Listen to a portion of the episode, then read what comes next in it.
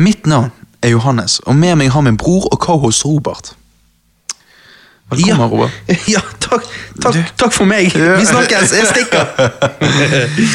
I dag skal vi snakke om den gode gamle Rod Serling-TV-serien The Twilight Zone. Rod Serling eh, er jo også en av de som ga oss Planet of the Apes, noe vi skal snakke mer om neste måned.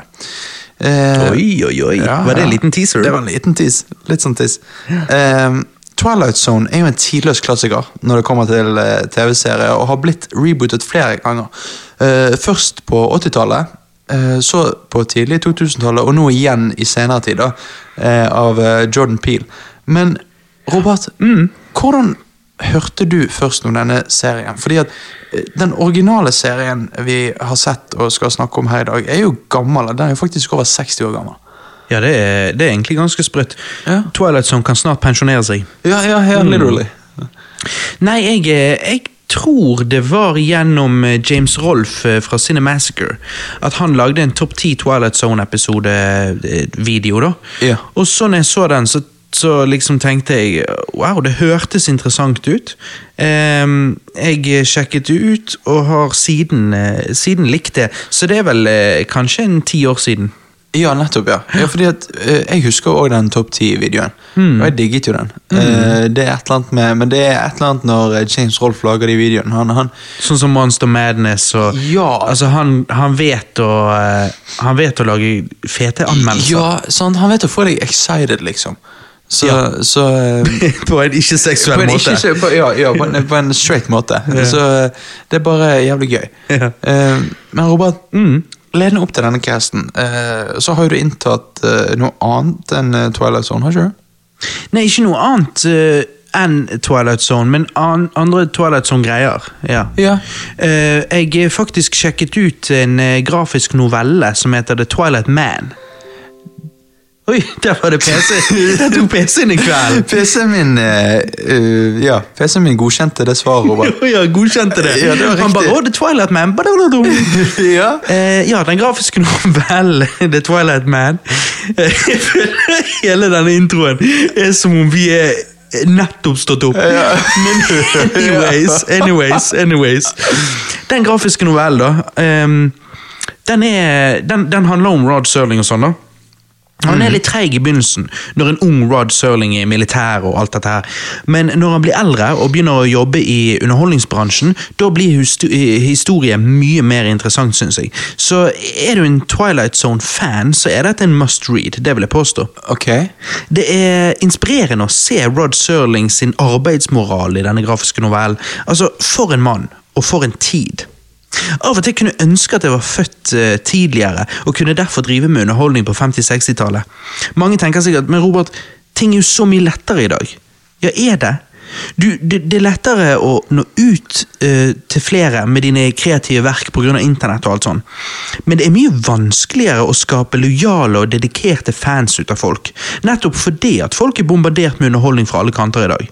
Folk har altfor mye å velge mellom. skjønner du hva jeg mener? Jeg skjønner akkurat hva du mener. Du, du vil tilbake til den tiden der det var helt greit å slippe kvinner, liksom. sant? Det er, jo- ja, det er jo det jeg egentlig vil. Det er det, det er bare det jeg, jeg sier det ikke. Ja, ja, jeg, jeg leser gjennom. Litt sånn Sean Connery. Ja, selvfølgelig.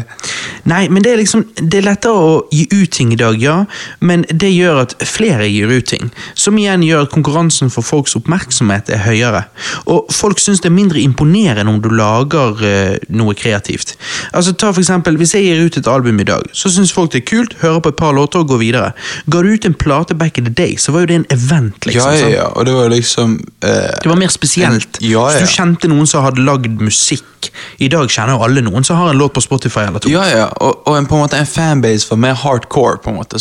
Ja. Eh, og, og, men men jeg, jeg merker også at i dag så kan også kvaliteten på kunst og være dårligere, siden så mange kan gjøre det så enkelt, liksom. Ja, nettopp. Du, du, du får bare mer av det. Ja, ja.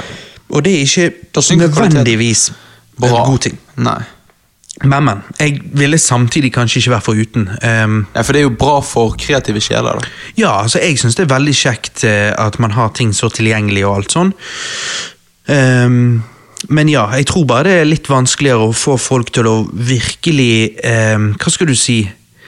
Sitte av tid til å, til å virkelig innta det du har lagd. Ja, ja. Folk, folk er bombardert med underholdning til enhver tid, så de, de tar ikke seg tid til å så på en måte Så la oss si en film er litt treig i begynnelsen, eller whatever. Ja, så, så kan folk i dag bare Og så bare går du over på noe annet på Netflix. Ja, ja. Men hvis de back in the day hadde vært på videoshoppen og leid denne VHS-en, og, og, og, så, så hev ikke de seg i bil og kjørte tilbake for å bytte den. Sant? De det- så hele filmen. Det er litt samme som eh, når jeg kjøper Blu-rayer av filmer som jeg ikke har sett før, mm. men jeg bare har hørt de er bra. Sånn som Crawl, for eksempel. Uh, uh, sant? Og så er de ass.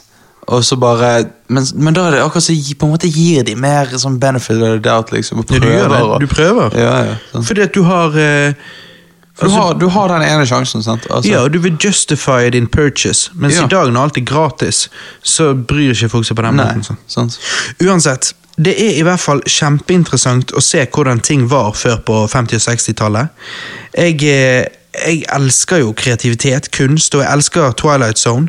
Er du som meg, så bør du lese The Twilight Man. Jeg eh, gir den grafiske novellen ni av ti. Men over til noe enda bedre. ja? Ti av ti.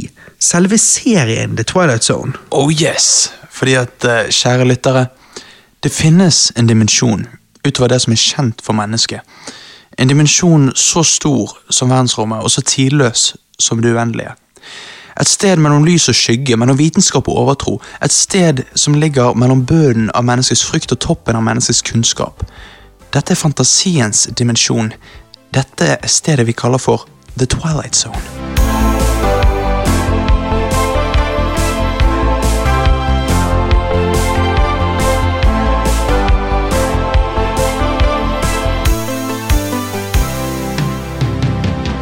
I dag skal vi ta for oss de 25 beste Twilight Zone-episodene ifølge IMDb. Men før vi gjør det, så må vi snakke om den første episoden, eller de første. Eh, Twilight Zone hadde jo en offisiell pilotepisode, i tillegg til en uoffisiell en. Eh, så la oss begynne med den eh, uoffisielle. Eh, The Time Element. The Time Element eh, er teknisk sett ikke en Twilight Zone-episode, men en episode fra Anthology-serien The Seal Playhouse. Uh, The Time Element var skrevet av Rod Serling og var ment uh, som en pilotepisode til det uh, som senere ble The Twilight Zone. Ingen hos CBS hadde troen, og manuskriptet lå lenge glemt i CBS sine arkiver. En dag kom den nye produsenten av The Seal Playhouse, Bert Grant, til Rod Serling. Imponert av andre ting eh, Rod hadde skrevet, og spurt om, spurte han om eh, han hadde noen eh, flere manuskripter liggende. Det var da Rod Serling fortalte Bert om The Time Element. Bert gikk til CBS sine arkiver, gravde frem manuskriptet og produserte episoden. Til CBS eh, sin store overraskelse gjorde The Time Element skikkelig suksess. Noe som eh, så fikk CBS endelig interessert i å lage serien til Rod Serling. Mange eh, kaller jo derfor The Time Element for den uoffisielle Twilight Zone-pilotepisoden. The Time Element handler jo om eh, eh, Peter Jensen, en mann som eh, drømmer, eller eh, faktisk reiser i tid? Spørsmålstegn. Altså, hvem vet? Eh, dette er tross alt i Twilight Høres ut som Joey på Friends når han leser manuskriptet og sier 'open door' eller 'pause' eller 'line'. Og du liksom sier Han drømmer. Eller reiser i tid. Spørsmålstegn. Kommer punktum. Jeg hadde feil tonefall. Men ø, dette er jo tross alt The Twilight Zone. Peter Jensen påstår i hvert fall ø, å vite om angrepet på Pearl Harbor før det skjer. Men vil folk lytte? Det må du se episoden selv for å finne ut. Robert, hva syns du om den uoffisielle pilotepisoden?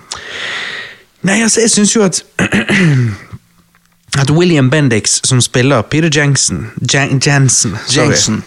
Ehm, jeg, syns, jo at han gjør en fantastisk jobb. Det hjelper jo selvfølgelig at manuskriptet til Rod Serling uh, også er skrevet såpass bra som det. Mm. Drikke Nei. Um, ja. Visuelt sett er det kult å se pasienten og psykologen skifte posisjon i løpet av episoden. Altså på den måten at pasienten, Peter Jensen, sitter i pasientsetet, eller stolen, stresset og forvirret, mens psykologen sitter rolig bak pulten sin. sant? Mm. I løpet av episoden, på en veldig naturlig måte, bytter de plass når psykologen blir stresset og forvirret. Ehm, og, og liksom Peter Jensen er mer sånn confident, kan du si. Så jeg bare synes det var en eh, litt sånn stilig, men diskré visuell ting. da. Ja. Historien er interessant, og det er ingen tvil om at The Time Element føles som en Twilight Zone-episode. Jeg skjønner derfor godt at fans kaller det for eh, den uoffisielle pilotepisoden. Det var jo tross alt The Time Element som gjorde Twilight Zone mulig. Um, ja, The Time Element er lengre enn de fleste Twilight Zone-episodene, men jeg digger jo tits. Reisehistorier, så det hjelper jo på. Jeg eh, følte spilletiden på episoden var akkurat passe, egentlig. Så jeg gir, eh, jeg gir The Time Element eh, åtte av ti. Mm, ok, ok, greit. Jeg, jeg forstår. Det høres ut som jeg ga deg en challenge. Mm, ok, ok, greit. Ok! Eh, fordi at her er vi uenige, Robert. Oi! Ja, allerede nå. Shit. Interesting. Eh, ja, altså, det er jo gøy, da. Eh, psykologen i episoden er jo eh, detektiv Abergast fra Psycho. Sant? Mm, mm, Det er jo kult. Um, Han er jo med i faktisk jeg, jeg føler han er den skuespilleren som er med i flest Twilight Zone-episoder. ja, ja, jeg òg, men han bare med i den. Nei, nei. Å ja, er han det? Ja, han er jo med i mange. Oh, ja, shit, ok. Mange vi har sett. Å ja, ok. Ja. Nei, nei ikke Abergast. Hæ? Nei, ikke, ikke han som spiller uh, detektiv Abergast. Han er ikke med i mange episoder. Han som spiller psykologen her. Ja, han er ikke med i mange Twilight Zone-episoder. Jo. Ikke som vi har sett nå. Jo. Ikke én eneste. Jo. Hvilke da? Uh, I hvert fall. Denne uh, 16 mm Shrine. Um, Nei. hæ? Eh, Hæ? Det er jo det han kan ikke jeg huske. Men, men uansett. Uh, han er Kanskje han reiser i tid. Jeg vet ikke. Han er med i veldig mange. Ja, det, det ble jeg overrasket. Men eh, Det er vittig at du ikke lagt merke til det. Jeg liksom Etter hvert som vi så alle disse episodene vi skulle se for denne casten, så bare tenkte jeg herregud, der er han igjen. Ja, ok. Ja, ja. Nei, I guess. Men, eh, men eh, Peter Jensen, altså, han, han er jo skeptisk, da. Og eh, det er jo forståelig. Um, men samtidig så bare syns jeg det er så, litt sånn dumt, fordi at han blir jo oppgitt eh, av at ingen forstår uh, hva han mener eh, sant? Eh, I, i drømmene. Sant? Når han forteller folk at han vet hva som kommer til å skje. Så blir han så oppgitt av at ingen forstår, når, når han på en måte Selvfølgelig tror ikke folk han. Folk tror han bare er crazy. sant? Ja, ja. Så det er jo sånn, det er bare litt sånn irriterende. Han burde vel kanskje tenkt ok, ingen kommer til å tro på meg. sant? -huh. Ehm, men slutten er episk. Sant? Altså, nei, altså, folk må bare se slutten. Altså, det er, ja, det er jævlig bra. Men jeg, jeg gir det en syv av ti. Så, så vi er, vi er Hva mener du med uenig da, da? Vi er jo nesten Vi er uenige. Jeg er uenig, det er jo så vidt. Ja, Så vidt, da. Men, men jeg trodde jo Når du sier 'wow, er vi uenige allerede her', så tror jeg at du skal si tre av ti. Nei, men Det er egentlig en svak syv, da. Nesten seks. For meg. Du bare, ja, ja. Ja, hva? Ehm, by the way, jeg må bare si eh, Ja, han er jo med i 16 mm Shrine, og så er han med i uh, The New Exhibit. Um, ja, så, han- Ja, så han er med i flere Ja, ja. Zone-episoder. Ja, men han er jo en god skuespiller, så det gir mening. Ja, det syns jeg. Det Sant, syns jeg. Mm. Ja.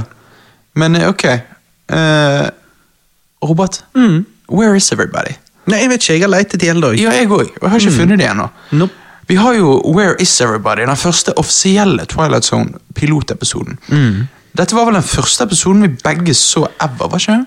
Jo, det tror jeg. Ja, det var det definitivt. Ja. Eh, ideen for episoden kom til Rod Serling når han en dag vandret gjennom et tomt filmsett. Where is Everybody handler jo uh, om en mann som oppdager seg, seg sjøl gående nedover en landevei uten å minne om hvem uh, eller hvor han er. Um, han finner jo ut etter hvert at han er helt alene i byen. Eh, men han føler seg observert av noe eller noen. Eh, hvor er alle sammen? Hva- er det, Robert? Nei, jeg må begynne å le. Du spør meg. Første episoden vi begge så, og så sier jeg ja, ja jeg tror det. Og du bare ja, definitivt. Som om, som om det var en test og ikke et spørsmål. Ja, liksom ja, Når du er host av Twilight Cast, da er det sånn Du tester meg. Husker du det? Husker du det var det? Ja, ok. Ja, for det var det. Definitivt. Ja, sorry. Det blir en lang cast, folkens. Det blir det. Uh, alkohol i kroppen, det er, ja. er godis. Ja, det er det. Uh, ja. Han føler seg observert, da, selv om han er mutters alene. Ja. Hvor er alle sammen? Uh, svaret får du vite i denne episoden. Robert, hva er dine tanker om denne episoden? Eh, Først og fremst må jeg bare si at det er jo vittig. La du merke til hvor denne episoden er skutt? Nei, hvor? Uh, På Universal Backlotten, der som de har filmet uh, Back to the Future blant annet, og Gremlins. Ja, for det lignet på det! Det er det. Ja. Shit, Og- ja, for det gir mening nå. Ja, det er det samme stedet, og det er jo litt vittig å se. da, for at, ehm, Du ser jo da klokketårnet der fra, fra Back to the Future. Ja. Eller det vil si bygningen, men uten selve klokken, for den delen, toppen av bygningen, var ikke bygd ennå. Nei, nettopp. Um, så spørsmålet er jo da, siden dette er jo oppi, oppi hodet hans, kan du si, sant? Ja. Spørsmålet er jo, betyr det at Back to the Future er bare oppi hodet på Mike, Har eh, Mike Ferris, hovedkarakteren her? Er denne Ah. episoden bare begynnelsen på det hele? Ender han en dag opp igjen i denne byen? Og senere, altså oppi hodet sitt, yeah. og fyller i dette stedet med eksempel klokketårnet, beboerne, McFly, Duck, resten av gjengen. Er Mike Ferris Gud? Det er Det er, det er sykt. Det, det, er en, det, er en, det er en fan theory. altså. Ja, det er det. Ja, men men, men det, det funker jo, da. Ja, det er jo, Ja. det er jo Twilight Zone. Det er med litt sånn headcanon. Ja, det, det er jo bare canon, liksom. Men, men, men, men ja. ja. Nei, det er ikke canon, men det er headcanon. Ja. Um, episoden er jo ikke den mest spennende. Den er veldig enkel, kan du si, men jeg føler likevel at det er en god pilotepisode på den måten at den introduserer oss til selve konseptet, hva å forvente av serien osv. Og, og vi har vel eh, alle en eller annen gang opplevd det å føle oss helt alene i verden. Jeg husker da jeg var tolv år gammel, hjemme på sykkel og syklet rundt i nabolaget en lørdagskveld. Det var opplett, vindstille, eh, det var ikke en bil eller person noe sted. Jeg stoppet opp på parkeringsplassen og så utover nabolaget, og det var helt stille. Jeg husker, jeg husker jeg tenkte shit, det føles jeg er helt alene. Hvor er folk? Ja. Det pleier jo alltid å kjøre en bil nede i hovedveien i det minste. sant? Ja. Så, så det var litt sånn, det, den, sånn litt sånn eerie Jo, følelse. for, for jeg har jo gått ned fra uh, på, ned, altså Hver gang jeg går ned til jobb, sant, og det er klokken fire om natten, sant, Ja. så er jo det er ikke en sjel å se. Sant, og alt er jo helt stille.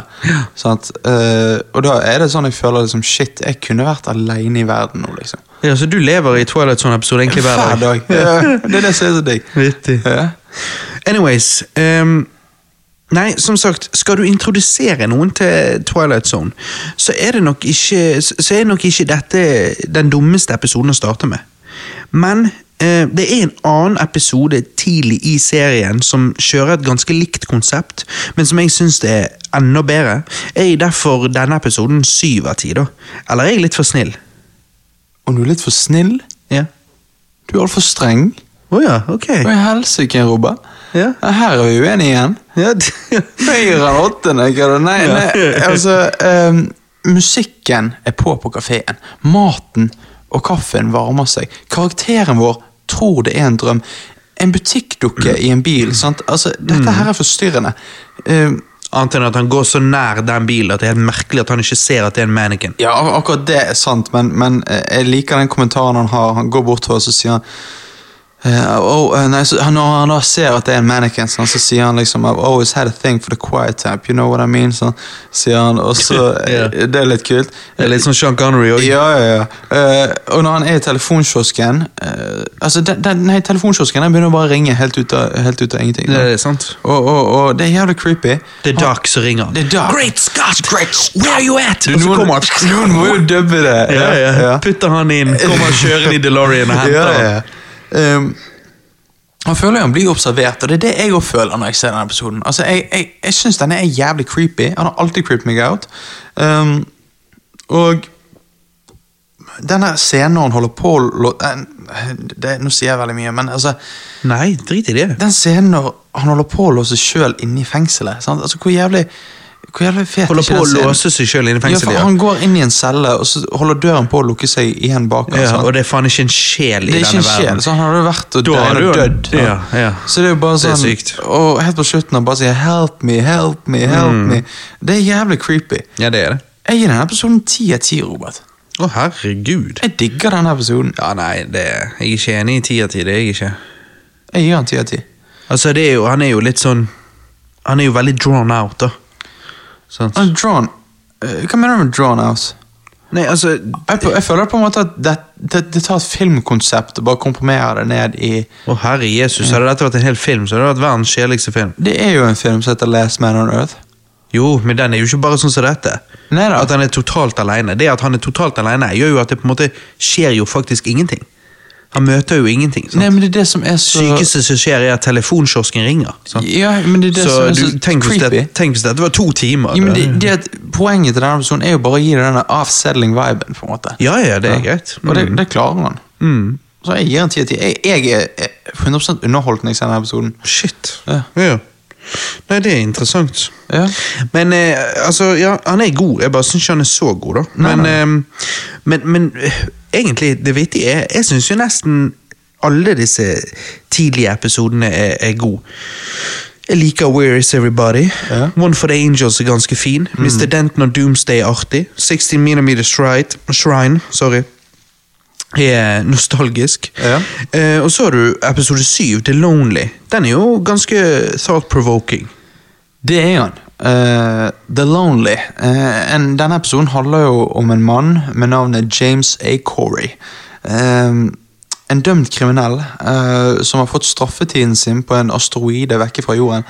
Han er helt alene, eh, helt til han en dag får en pakke fra forsyningsmannskapet. Dette er en robot. En kvinnelig robot. Eh, det er bare Er det bare meg, Robert, eh, eller er denne episoden både bra og dårlig? Ja, jeg syns den er ganske bra, da. Og det er jo litt disse tingene at jeg synes jo den er Konseptet er jo veldig likt Where Is Everybody, bare at her skjer det noe, da. Eh, Ja. James Corey sin partner er jo en robot, som du sa. sant? Ja. Roboter har ikke vi ennå. Ikke så avanserte som det der, i hvert fall. Men bytt ut roboten med internett, sosiale medier og underholdning. James Corey eh, var dømt til å tilbringe livet på denne asteroiden til evig i evig ensomhet. Ja. Men i dag isolerer mange folk seg sjøl, tømmer timene sine ned i internett, sosiale medier og underholdning. Jeg tror flere folk i dag enn noen gang før føler seg ensom, men i mange tilfeller er det delvis eller, eller fullt og helt eh, sjølvalgt ensomhet. Da. Og det er interessant, for hvorfor det? Vi er jo sosiale dyr. Vi trenger andre. ja, jeg òg syns det er rart. Og det er jo det denne episoden viser, at vi trenger andre. Det er jo det. Det er jo det. Han, han, viser basically at vi er sosiale dyr, og, Mm. og uten sosial omgang så kan det ta knekken på oss. liksom. Ja, og, og til og med om den sosiale omgangen vi blir tilbudt er ikke nødvendigvis ekte, så blir vi tilknyttet til den. Akkurat så, blir litt sånn som Castaway med Tom Ja, Hanks ja. og den Wilson Ball. Ja, nettopp. Så det her, jeg tenker at jeg bare synes det er et interessant konsept, hvor Where is everybody er bare en som er alene og vandrer rundt og skjønner ingenting, mens i denne så e- explorer vi det å hva det gjør med oss å være alene, og det at vi trenger noen. Ja. Uh, uansett om det, de er av, eh, av kjøtt og blod. Så, eh, om, uansett om de ikke er det, om de er en volleyball i Castaway eller om de er en robot her i The Lonely, så er det liksom vi trenger folk, og vi knytter oss til, til Vi trenger noen, så vi knytter Ja. oss til det, til det vi får. Da, det, det eneste som er, på en måte. Så jeg syns det, jeg syns det Lonely er en kjempegod episode. Den renkes jo som den 29. beste episoden ifølge IMDb. Ja. uh, men jeg syns den kunne ha puttet høyere, for den saks skyld. Jeg gir uh, The Lonely 8 av 10. jeg. Ok, ja. Mm. Jeg, jeg, jeg for sure hører hva du sier, og jeg er enig med, med mye av det. Mm. Jeg bare syns det er sånn Sånn som når uh, det der forsyningsmannskapet lander, Mm. sant? så ser du de lander. Hvis får et lite shot med uh, De lander langt vekke. Yeah. Får et lite shot med Corey, og så ser vi de bare walke opp. liksom sånn Yeah. Altså det, det selvfølgelig skal være time jump, men de viser ikke at det er time jump. Er det litt sånn, det De har, de har. Sonic-sko på seg. Ja, ja, tydeligvis. De bare, var jævlig sånn han kan se dem, så bare uh, act natural. Ja, så bare, ja. Og så bare går de sykt sakte. Han vet ikke at teknologien på sko har utviklet seg sånn. Ja. De vil ikke disturbe han. Nei. Så de løper lynfort bort dertil, Ja. og så går de rolig, Det er sånn litt sånn som han er. Du vil ikke vise mer teknologi enn de kan forstå. sant? Ja, ja. Så, uh, han, men, han faller jo for denne illusjonen uh, med at han, han vet det er en robot, men han, han, så han klarer ikke å komme helt over det. Men samtidig vil han ha noen. sant? Mm. Um, og han blir jo nesten forelsket i henne. sant? Ja, han blir vel det. Ja, ja. Uh, men ja uh, Vi kan vel ikke snakke om slutten uh, på denne episoden? Nei, altså, jeg, jeg tror ikke vi skal bekymre oss for det gjennom denne casten, Nei. Eh, men du trenger ikke hvis ikke du må. Nei, men jeg må egentlig ikke. Nei. Fordi at jeg gir denne episoden syv av ti. Jeg, jeg syns han er bra. Ehm, jeg bare syns å huske han var bedre enn det han var, så jeg ble kanskje litt sånn disappointed. For jeg syns å huske denne var sånn skikkelig skikkelig bra, og jeg bare um, syns ikke det. Så jeg kan ha syv av ti. Ja, jeg syns den, er, jeg synes den er, er ganske bra. Uh, han mangler det, så pusher han liksom over til great eller masterpiece. Men, Ja. men for meg så Så er han good og knocker på døren til great, kan du si. Ja, ja, ja. ja. For sure. Hva andre type Honorable Mentions-episoder er verdt å nevne, tenker du, Johannes?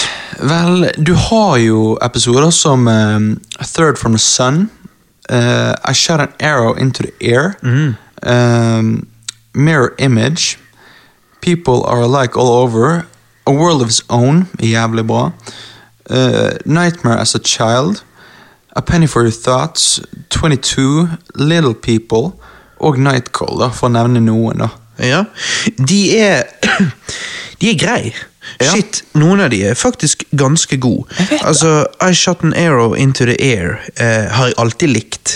Ja. Eh, jeg syns kanskje hvordan Rod Serling tok til konseptet seinere, som vi skal snakke om om en måneds tid, Ja. eh, enda bedre, da, med, med Plant of the Apes. Men for det meste syns jeg eh, de episodene eh, De er gode, men jeg syns at de er kanskje best hvis du er sånn 12 mellom 12 og 14 år gammel, Ja. og, og hvis du er ny til serien. På den måten at jeg føler at de beste Twilight Zone-episodene er liksom underholde og thought-provoking. Ja. Hvor mange av de der er liksom bare underholde? Don't Ja. get me wrong, mange av de er gøy, men jeg, jeg tror de er mest underholde for et yngre publikum. da. Men så igjen, til og med en average Twilight Zone-episode um, er jo ti ganger bedre enn eh, de, fle de, de fleste TV-serier som er der ute. Uten tvil. Sant? Så du får jo Dette er jo egentlig gode episoder uansett, på en måte. Sant? Altså, det, du skal leite en stund for å finne en dårlig episode, selv om det fins dårlige Twilight Zone-episoder. Jeg må jo bare si jeg er helt enig med I Shot an Arrow Into the Air. uh, men òg eksempel A World of His Own. Sant? Um, han her er Gregory, som uh, dikter opp uh, på en sånn eh, tape recorder eh, en karakter, og så, og så kommer de til live. Ja, ja. Ja. Eh, det er jo, den er jo veldig interessant. Skal eh, slutten av denne episoden indikere at Gregory er skaperen av Twilight Zone-universet? Oi, shit, ja. Ja. Ja, det er jo mulig. For han, han eh, Rod Serling snakker jo på slutten av hver episode. Sant? Og på Ja. slutten av episoden så snakker han, og da tar Gregory og, og får han til å forsvinne, liksom. Ja, Han tar og river opp teipen og kaster den inn i Ja, eh, flammene. Så forsvinner Rod Serling. Mm. Ja. Sant? Litt, litt gøy. Eh, Little People så jeg igjen, uh, og jeg må jo si at selv om konseptet er veldig kult, og sånn 90% av episodene er veldig kul, så var slutten disappointing. Så av altfor Ja. Av og til bare bruker det green screen som ikke funker. Ja, Og ja. det, det, da ser det dårlig ut. Men, eh, men ja, det er, det er i hvert fall mange, mange, mange gode honorable mentions her. Altså. Men, hva, men hva syns du om det jeg sier med at liksom de, de episodene der generelt sett er jo bare sånn underholde for underholdningens skyld? Det er jo ikke Nei, nei, de, skal ikke, de prøver ikke å si noe dypere. Det, det skal være enten shock value uh, eller bare pure entertainment. Ja, og da shock value var ta litt hardt i. Uh, Jo, sånn som Little People, sant? Ja. Ja, og, og Night Call. sant? At Jo, jo, skal men på Når du slutten sier bare- shock value, så ser jeg for meg noe grotesk. Nei, ikke sånn, men det er altså sånn Jeg blir jo sjokkert når jeg liksom får en twist på slutten som jeg ikke så. liksom sånn. Jo, jo, ja, ja. Ja. Men det er jo i hver eneste toalett sånn episode. Ja, ja, ikke i hver. Så godt som. Vi kommer til noen som ikke har det. Jo, jo, men så godt som. Ja, ja. Sant, så liksom Og det at de ikke har noe dypere mening, tenker jeg, i denne serien, så føler jeg at de beste episodene er de som har. Ja, ja, ja, ja De som klarer å gjøre den balansen. Helt enig. Men hvis vi skal fokusere på de skikkelig gode episodene, de som man kanskje hadde forventet fikk en plass på IMDb sin topp 25-liste, men ikke gjorde det, da har jo du denne her eh, Long Live Walter Jameson. Du har den. Uh, en far med navn Sam forbyr datteren sin uh, i å gifte seg med collegeprofessoren Walter Jameson. Eh, etter at han finner ut at han ikke eldes. Walter er 2000 år gammel, eh, som bringer opp en del eksiste eksistensielle spørsmål, Robert. Ja. Hva syns du om denne episoden? Ja, altså, jeg syns jo pacingen er god. Manuskriptet er solid, og mesteparten av skuespillet her er jo veldig bra. Ja. Men det å leve for alltid, altså for et konsept. Når jeg var yngre, trodde jeg at eh, dette var noe jeg ville. Når jeg ble ateist, agnostiker eller hva det nå enn vil kalle det, så forsvant samtidig ønsket om å leve evig. Jeg innså at hvis man lever evig, så vil det si at man får oppleve toppen av lykke, ja, men òg bønnen av den verste psykosen. Og da, da mener jeg bønnen, For hvis du lever evig, altså evig, Ja. så vil du oppleve alt. Og er det egentlig noe man vil? Er det, er det ikke bedre å virkelig leve når du lever? Ja, og det er det jeg digger med denne episoden, for dette er en diskusjon de har. Uh, mellom hverandre. Sant? Faren eh, Sam og eh, Walter. Yeah. Og det, det er jo det, det, det det stiller jo disse spørsmålene her, og jeg har jo tenkt på det, det føles veldig klaustrofobisk, den tanken å aldri kunne dø. Nei. Sånn. For jeg tror jo at mange religiøse kanskje ofte tenker at å leve evig, leve i himmel, og, og, og der er jo det bare gode følelser og ditt og datt. Men altså, Ja. det betyr jo egentlig ingenting. For hvis det eneste du opplever er gode følelser, så vil jo du bli deprimert til slutt òg, for du kan ikke Hjernen kan ikke holde seg på en sånn happy mode hele tiden. Hele tiden. Altså, det- det du opplever som glede, vil jo til slutt ikke gi deg glede lenger. Nei, men det er derfor jeg tenker at tanken med at vi dør, og at uh, på en måte du ikke kommer til å være bevisst lenger, så du kommer ikke til å føle at tid går. Sant? Uh, jeg syns den tanken er beroligende, liksom. Ja, altså det er jo, Jeg tenker at det som skjer etter døden, er basically det som skjedde før livet. Ja, ja, ja. For da, da, da visste ikke du at du levde, du følte ikke tiden gikk da. Men folk tenker jo da shit, hvis jeg dør og det er bare svart og jeg bare er evig, bare venter, så er det sånn nei. Jeg venter på hva? Du er jo ikke til stede. På- du er ikke. Før du ble født, så, så satt jo ikke du bare i et svart rom og ventet på å bli født. Nei, sånn, ikke i det hele er tatt. sånn- Du eksisterte ikke. Ja. Og det samme sånn Mest sannsynlig vitenskapelig sett så er jo det bare det samme som vil skje etter du dør, at du bare vil ikke eksistere. Ja. Så du vil ikke sitte og vente på noen ting. Du er er ferdig. Sant? Men det gjør jo òg livet så dyrebart, nettopp fordi det ikke varer evig. Det er vanskelig å akseptere døden av og til, det skjønner jo jeg òg. Altså, jeg elsker livet og, og alt livet har å tilby. Kunst, filosofi, historie, vitenskap, vennskap, opplevelser og kjærlighet. Det faktum at jeg ikke eh, liksom har all verdens med tid til å nyte disse tingene, gjør jo meg litt urolig til tider. For det, tiden flyr, livet er kort, og en pauseknapp har det betalt mye for. Men evig liv, evig? Nei takk. Denne episoden serverer et urealistisk konsept, men det hele er utført på en veldig realistisk måte. Altså Jeg tenker da på deler av dialogen her mellom, så du sa han, han faren og så Ja. Walter Jameson. Nei, denne episoden er utrolig god, og jeg gir eh, Long Live Walter Jameson ni av ti. Ja, ja jeg, jeg går gir en ni av ti, Robert. Uh, Ja. Jeg syns denne episoden er Du er denne den første vi er helt enige på. Ja, helt enig. Fordi at uh, Walter altså Han som spiller Walter, spiller han veldig sånn Mm. eh, Veldig sånn Litt sånn arrogant, egentlig, og veldig høy på seg sjøl. Men samtidig har Han han, er demons ja, ja, men Samtidig har han demons han struggler Ja. med, liksom, sant? Ja. som du ser. Og, og Sam er jo òg veldig, en, veldig redd uh, far. Sant? Så, tydelig tydelig redd for døden. Sant? Og- Mm. Ja, å se de to Uh, på en måte diskutere sammen, det er veldig interessant. Og det er høydepunkt i episoden, tror jeg. Ja, ja. Så, uh, Veldig ja, bra skrevet. Uten tvil. Um, så har jo du The Big Tall Wish. Ja. En bokser med navn Bowley, eh, som er godt likt av naboene sine, og spesielt godt likt av nabogutten Henry, i en stor kamp der Bowley er down for the count og sannsynligvis tapt, endrer alt seg i et splitt sekund, uh, og han er vinneren. Uh, Vi finner ut at Henry uh, hadde a big tall wish som han brukte på Bowley. Episoden handler basically om eh, du tror på magi eller ikke. Hva syns du, Robert? Nei, altså, Jeg liker jo The Big Tall Wish. Det er jo vittig. Denne renkes som uh, nummer 135 ifølge IMDb. Det vil si at dette er en av de dårligste Twilight Zone-episodene eh, eh, ja, ifølge folk på IMDb. Ja. Men jeg kunne ikke vært mer uenig. Altså, Jeg syns manuskriptet er sinnssykt bra. Hovedkarakteren Bowley Jackson skal være en utvasket bokser. Sier jo sjøl at han er en gammel mann. Det er jo litt rart, da, for det, men det er jo det at rollen var først tatt av en fyr som er 15 år eldre enn han skuespilleren her. Og da ville jo den delen av historien gitt mer mening.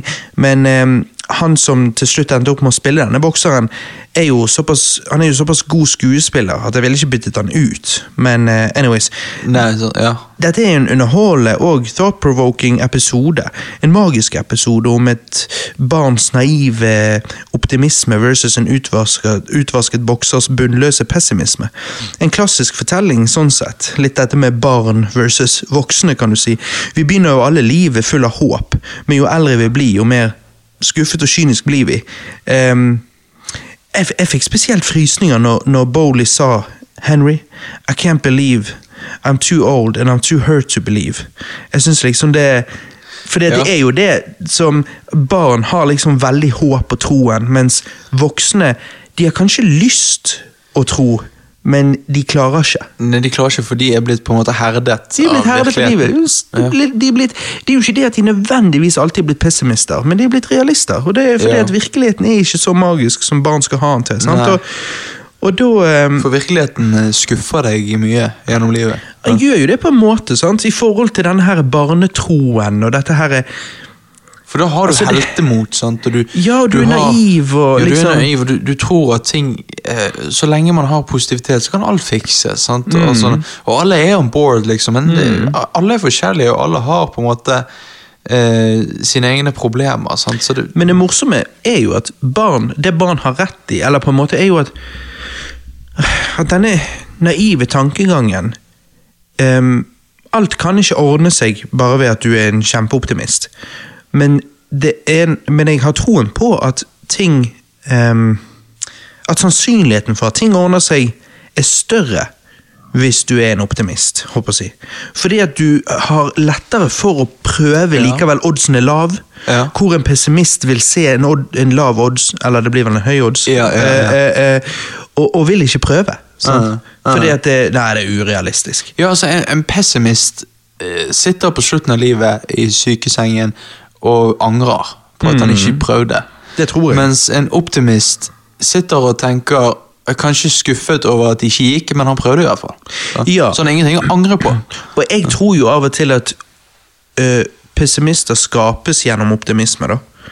Det vil si unge folk som har veldig troen, Ja. og som prøver veldig hardt, Ja. men så opplever at ting ikke kanskje var helt sånn, og blir skuffet.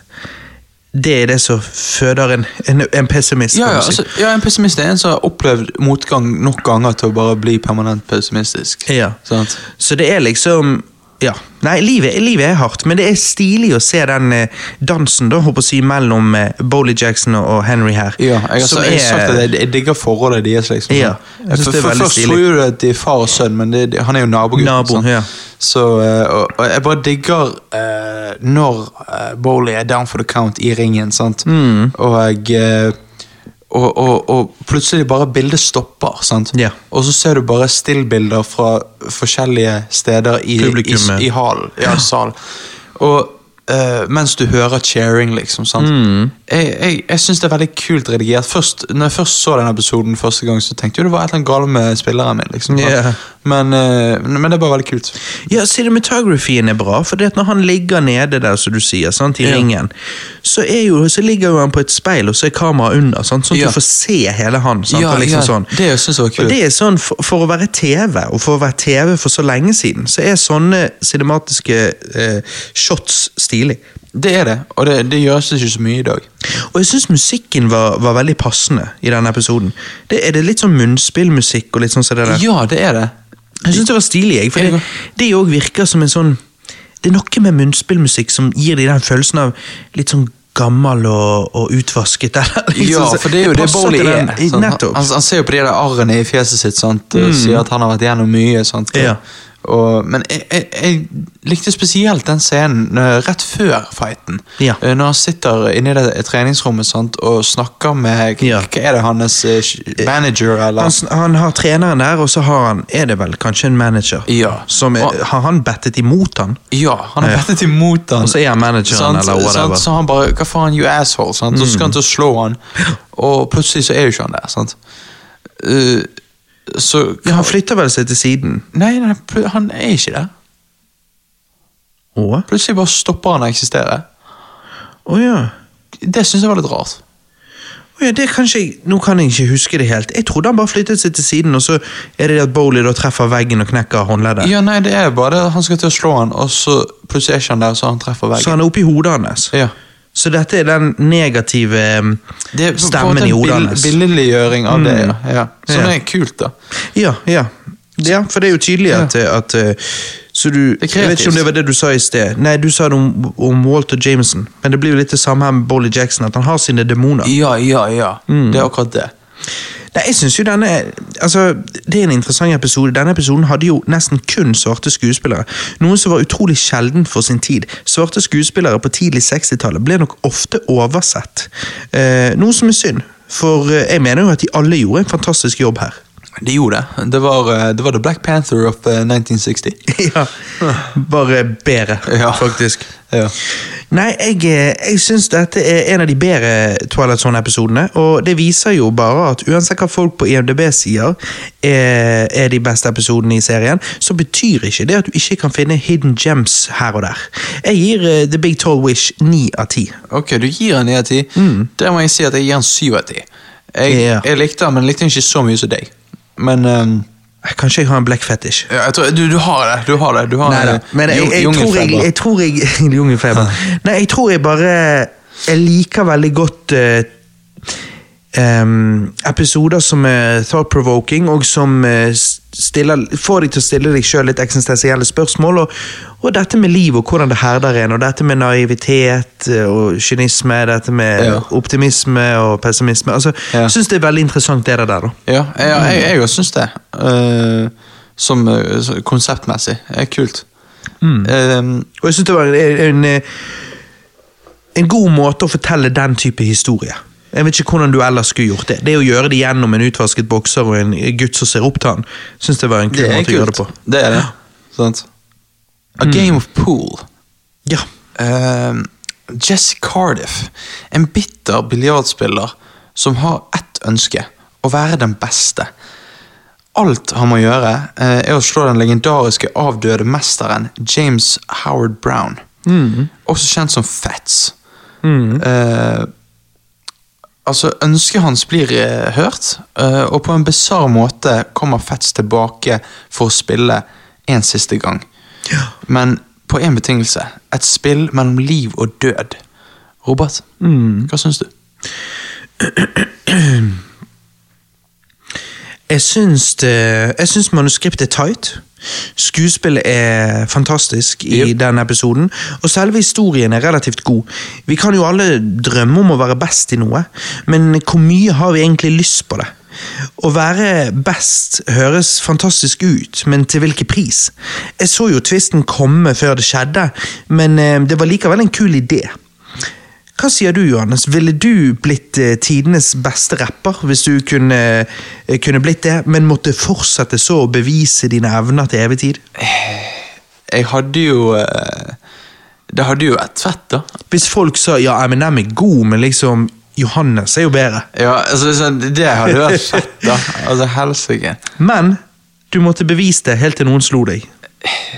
Ja, det er jo det som er tingen, da. Eh, Gå litt tilbake til dette med evig liv, håper jeg å si. ja, sant. Jeg, jeg hadde jo gjort det. Jeg hadde gjort det. Mm. Altså Du hadde det, ja. For det frister jo noe inn i helvete, sant. Ja, altså Jeg også syns det høres fristende ut å, å bli husket som den beste, Ja. men jeg måtte nok takket nei. Det Du hadde takket nei. Ja, jeg um... Du hadde vært den beste, du hadde vært legendarisk. Du hadde gått ned i the history books. Det er jo det Ja. alle vil. Ja, det var, eh, det var det jeg òg tenkte da jeg var på din alder. Mm. Men eh, med tiden så har uh, Så har Boley Jackson i meg eh, Ja, ja, du, Nei. du er blitt mer som Boley, du. Nei da, med tiden så har jeg på en måte bare Jeg har ikke noe behov for å være best eh, overfor alle andre, men for meg sjøl. Ja, det, det, det, den, det likte jeg. Det likte jeg. Jeg er helt enig med deg. Så jeg, eh, når jeg eksempel lager musikk nå, da, så driver jeg og lager musikk som jeg syns er bra. Og jeg kunne tatt da disse tracksene og vist dem for et testpublikum. Mhm. Og så kunne jeg fått en haug med feedback, og så kunne jeg justert låtene deretter. Men da blir de låtene noe som ikke nødvendigvis jeg syns er steinbra. Sant? Men- de men noe- kan hende at jeg liksom sier ja, ja, jeg ser poenget, mm, men eh, Og så kan jeg ha mine egne meninger om hva jeg syns de, de misser eller mangler. eller ditt Og datt. Og da på en måte er det ikke så det er ikke så viktig for meg at alle andre syns at det er så jævlig bra, så lenge de syns det er bra nok. Men jeg elsker det. Da er jeg fornøyd. liksom. Ja, ja. Jeg, jeg, jeg ser hva du mener, og jeg er egentlig helt enig med deg. Mm. Men, eh, men fuck Men å, å bli liksom compared med Eminem Ja. Nei, hadde- jeg sittet over han. Suttet over? Ja. Jeg hadde jo takket ja. Ja. Jeg kan jo ikke si noe annet.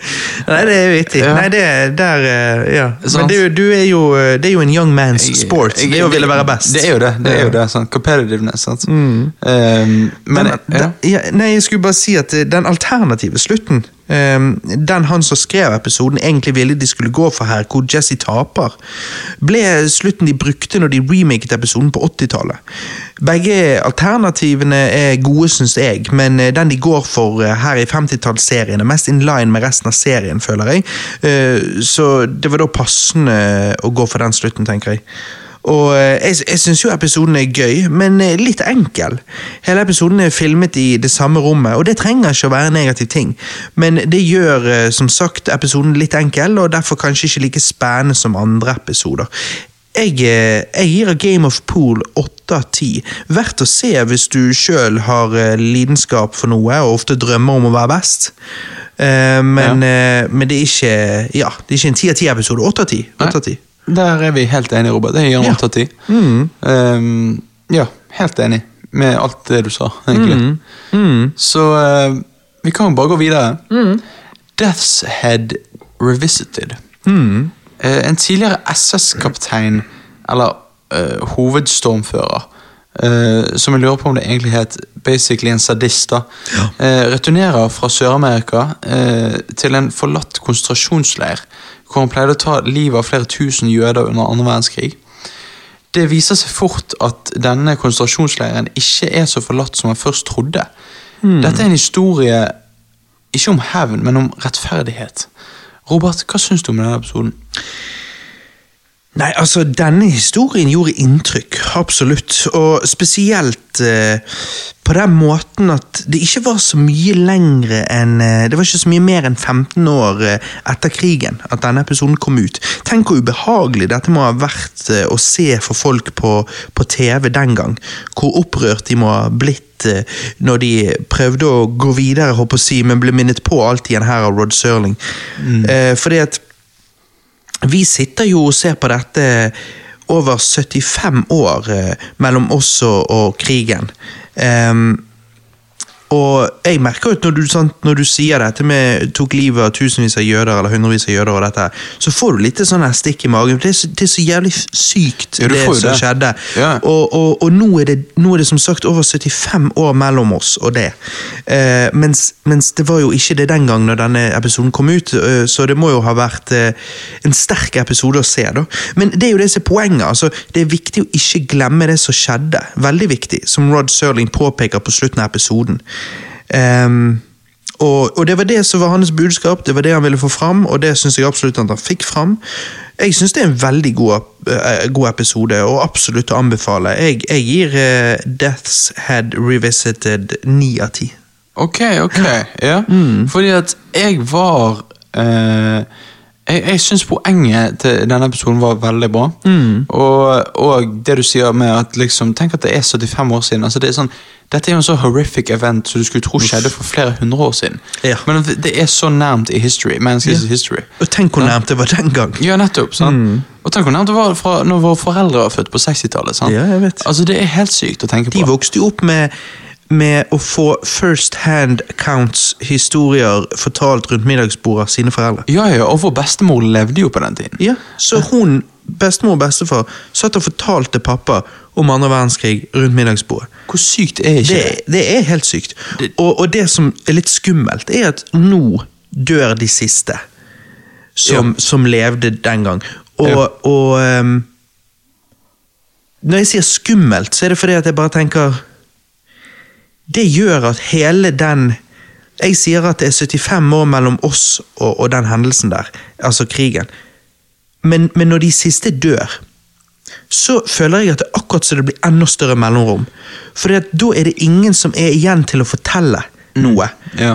Ehm, og det blir second hand accounts, og det blir third hand accounts. altså Det blir lenger og lenger, det blir flere sånn Ja, min bestefar, min bestefar eh, levde under krigen og opplevde dette. Men det er liksom, jo lengre vekk vi kommer fra det, jo, jo, eh, jo lengre bare virker det en del av fortiden. Bare Ja, sånn at Det var lenge siden. Sånn som du sier. Ja, flere hundre år siden. sant? Uansett om det ja. ikke er flere hundre år siden.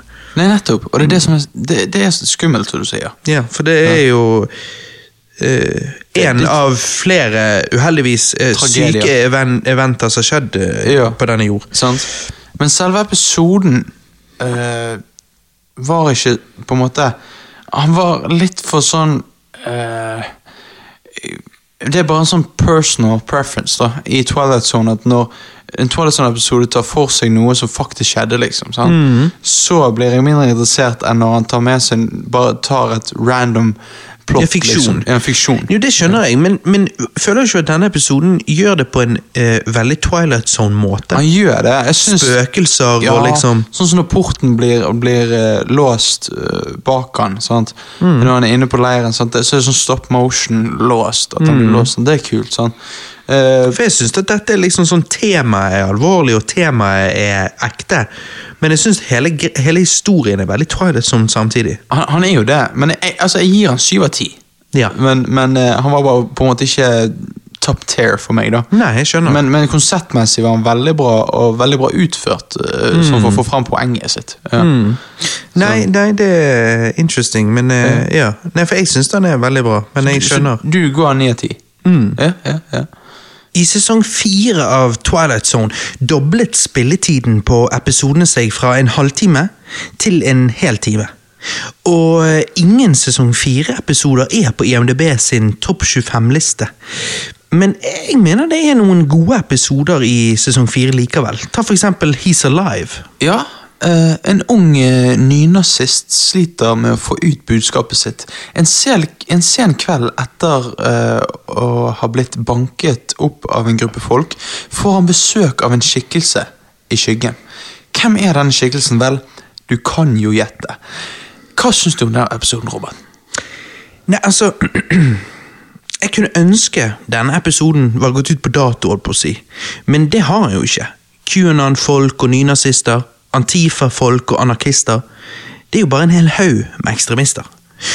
På den ene siden har du hjernevaskede mennesker som angriper Capitol Hill. Og på den andre siden har du hjernevaskede mennesker som brenner ned sine egne byer. Ekstremisme er et problem vi dessverre må deale med den dag i dag òg.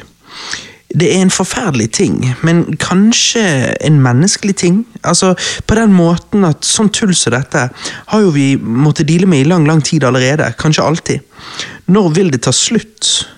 Når vil folk skille mellom det rimelige og det urimelige? Jeg vet ikke om det noen Hvis- gang kommer til å skje. Hvis det noen gang kommer til å ta slutt, ja. Mm. at Det vil alltid være idiots, liksom. Det vil jo være det. Eh, de er jo bare en eh, altså, gjeng med idiots, liksom. Sant? Det, er, det er folk som eh, Tuller seg bort. ja, men De gjør meningene sine som en, del av, eh, som en veldig stor del av identiteten sin. Og da skal de prøve å leve opp til det at all costs. Sant? Ja, det blir deres, eh, det blir, det blir deres mission in life. Ja. Og, eh, og, og de vandrer lenger og lenger ut, på, på, ut av gårde på, på landeveien, holdt på å si. Det Ja, er, ja. Nei, episoden er ganske god, og utrolig nok fremdeles relevant i dag, da, som sagt. Denne episoden er trist. Rett og slett bare trist. En eh, historie som eh, dette trengte den lengre spilletiden, og jeg syns helt ærlig tiden faktisk gikk fort.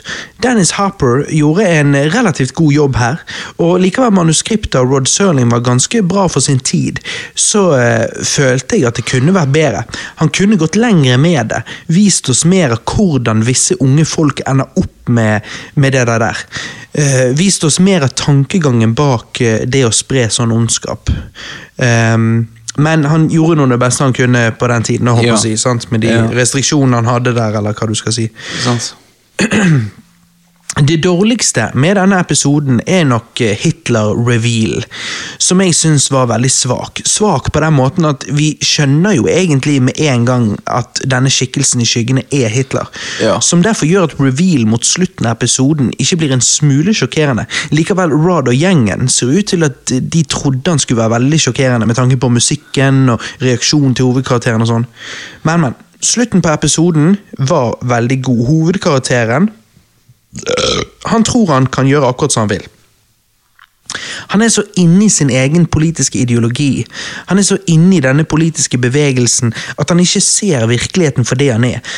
Han ser ikke verden rundt seg, så han begår en eh, forferdelig kriminell handling, og hva skjer? Politiet tar han. Det minner meg om disse politiske protestene borte i statene. Om det er idiotene som stormer Capitol Hill, eller om det er idiotene som brenner ned sine egne byer. Det er konsekvenser for sånn som det der.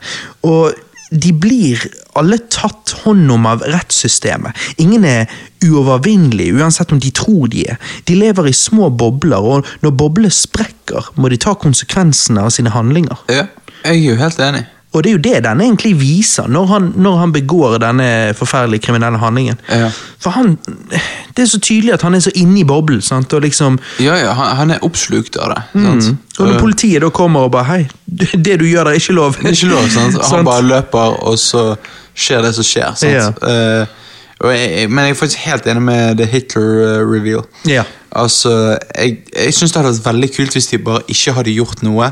Mm. altså, selvfølgelig hatt han i skyggene hele tiden. Ja. og så bare aldri vist han. Nettopp. Det hadde vært mer effektivt. Ja, og så på slutten så bare ser du skyggene hans gå langs eh, veggen. Ja, sånn som du får sånn, Sånn ja. skjer. Sånn. Ja.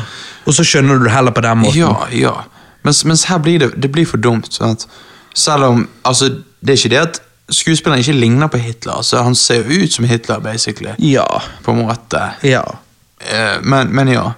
Eh, nei, jeg, jeg syns denne episoden er Han var underholdende. Mm. Som du sier, føltes ikke lenge i det hele tatt. Nei, likevel han var en time. Han er en time, sant, så Mm. ja. ja basically. Nei, alt i alt uh, syns jeg episoden var veldig god for sin tid. Um, det var et sensitivt tema. Uh, det var sånn sett utrolig at han fikk gå så langt med det som han gjorde her. Likevel jeg kunne ønske han gikk enda lengre. Sant, altså, så, så det at han Men det var vel den tiden og, Jo, og det, det jeg tenker altså Det at han fikk Ja. gå så langt med det som han gjorde, var sikkert eh, det, det, han, det han kunne den gang. Ja. Uansett, jeg eh, gir He's Alive en svak syv av ti. En interessant episode, en episode som er verdig Honorable Mention-stempelet, men en episode som renker lavest for meg når det kommer til, til disse Honorable Mentions-episodene vi snakker om her nå. Og jeg vil si at det er en episode jeg vil si Det er en episode man må, bør se, men man trenger nok ikke å se den flere ganger. da. Nei, nettopp, nettopp. Eh, jeg gir det òg en syv av ti. Jeg er helt enig. Her er vi helt enige igjen. Ja. Um, for, eh, for nøyaktig de samme grunnene som du sier. Jeg kommer ikke å se den igjen. Dette er en sånn du ser en gang, og så, One time, og så, ja. og så er han thought-provoking, liksom. sant? Ja. Han er jo det, uten tvil. Så det er jo en god episode sånn sett. Sant? Ja, I hvert fall som en sånn førstegangs Se han en gang, og så ja. Ja, liksom, ja. sant. Men det ikke, jeg, føler, jeg sitter ikke igjen med følelse av at det er så veldig mye rewatch value. da. Nei, heller ikke jeg. Men uh, The Pinterest Nei, Pin... Uh, the Printers Devil. Det er Pinterest! Det er sånn. Karen på Pinterest med kunst- og håndverkprosjektene sine. ja. Nei, det The Printers Devil. Ja.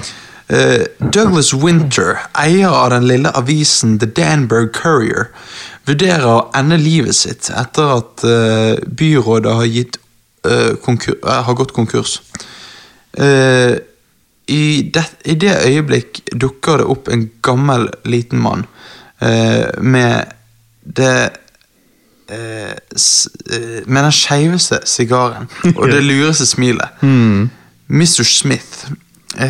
Han sier han var på utkikk etter en jobb i The Courier som en skrivingsoperatør. Eh, etter hvert som Mr. Smith viser sine kunster, begynner folk å spekulere på hva som foregår. Robert, hva syns du om denne episoden? Nei, altså sant Redaktøren som du nevnte, han eh, Han selger jo sjelen sin til djevel. Og som er han her eh, Mr. Smith. Ja. Og djevel forårsaker tragedier så avisen kan tjene penger på. Hmm. Minner jo veldig om hvordan media opererer i dag. Altså, Rod Serling strikes again, forut sin tid. Vi vet jo at media i dag, og kanskje alltid, tjener fett på å rett og slett skape politisk splittelse, spre usannheter og drit, som igjen forårsaker tragedier, som igjen media tjener på når de skriver om det, og vi flokker til for å lese. Nei, Twilight Zone slutter ikke å slå home runs, sånn sett. Tidløse problemstillinger som gir en frysninger. Når vi snakker om eh, ting som gir en frysninger, Burgess Meredith, han som spiller eh, djevel her, Ja.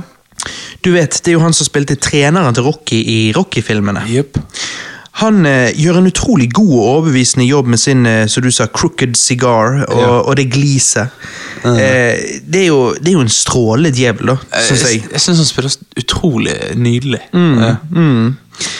Historien er interessant, men eh, kunne episoden vært bedre? Absolutt. Denne gang følte jeg eh, at det hadde litt med spilletiden å gjøre. Hadde episoden vært 25 minutter lang, eh, sånn som de fleste Twilight Zone-episodene, så tror jeg at jeg, eh, jeg tror jeg kunne da tatt han opp et poeng, men eh, sånn som han er nå, så kan jeg ikke gi episoden mer enn en svak syv av ti. Ja, eh, jeg er helt enig, jeg er faktisk veldig enig med det du sa. Fordi at dette var en episode der jeg var veldig trøtt en dag, og så satte jeg den på.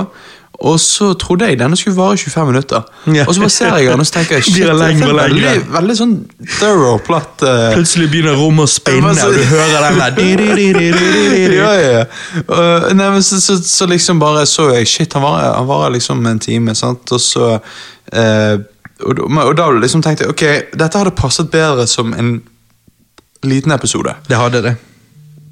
Men um, jeg må jo bare si Mm. at Mr. Smith er en av de beste karakterene i Twilight Zone. Ja, han er konge. Han drar jo episoden opp. Så jeg gir det en åtte av ti. Ja. Ja. Men, eh, men eh, også syns jeg konseptet er kult, og, og det er òg thought-provoking, men det er bare dratt ut, og det er, det er minuset med episoden. Det er det. On Thursday we leave for home. Og gjør vi? Ja.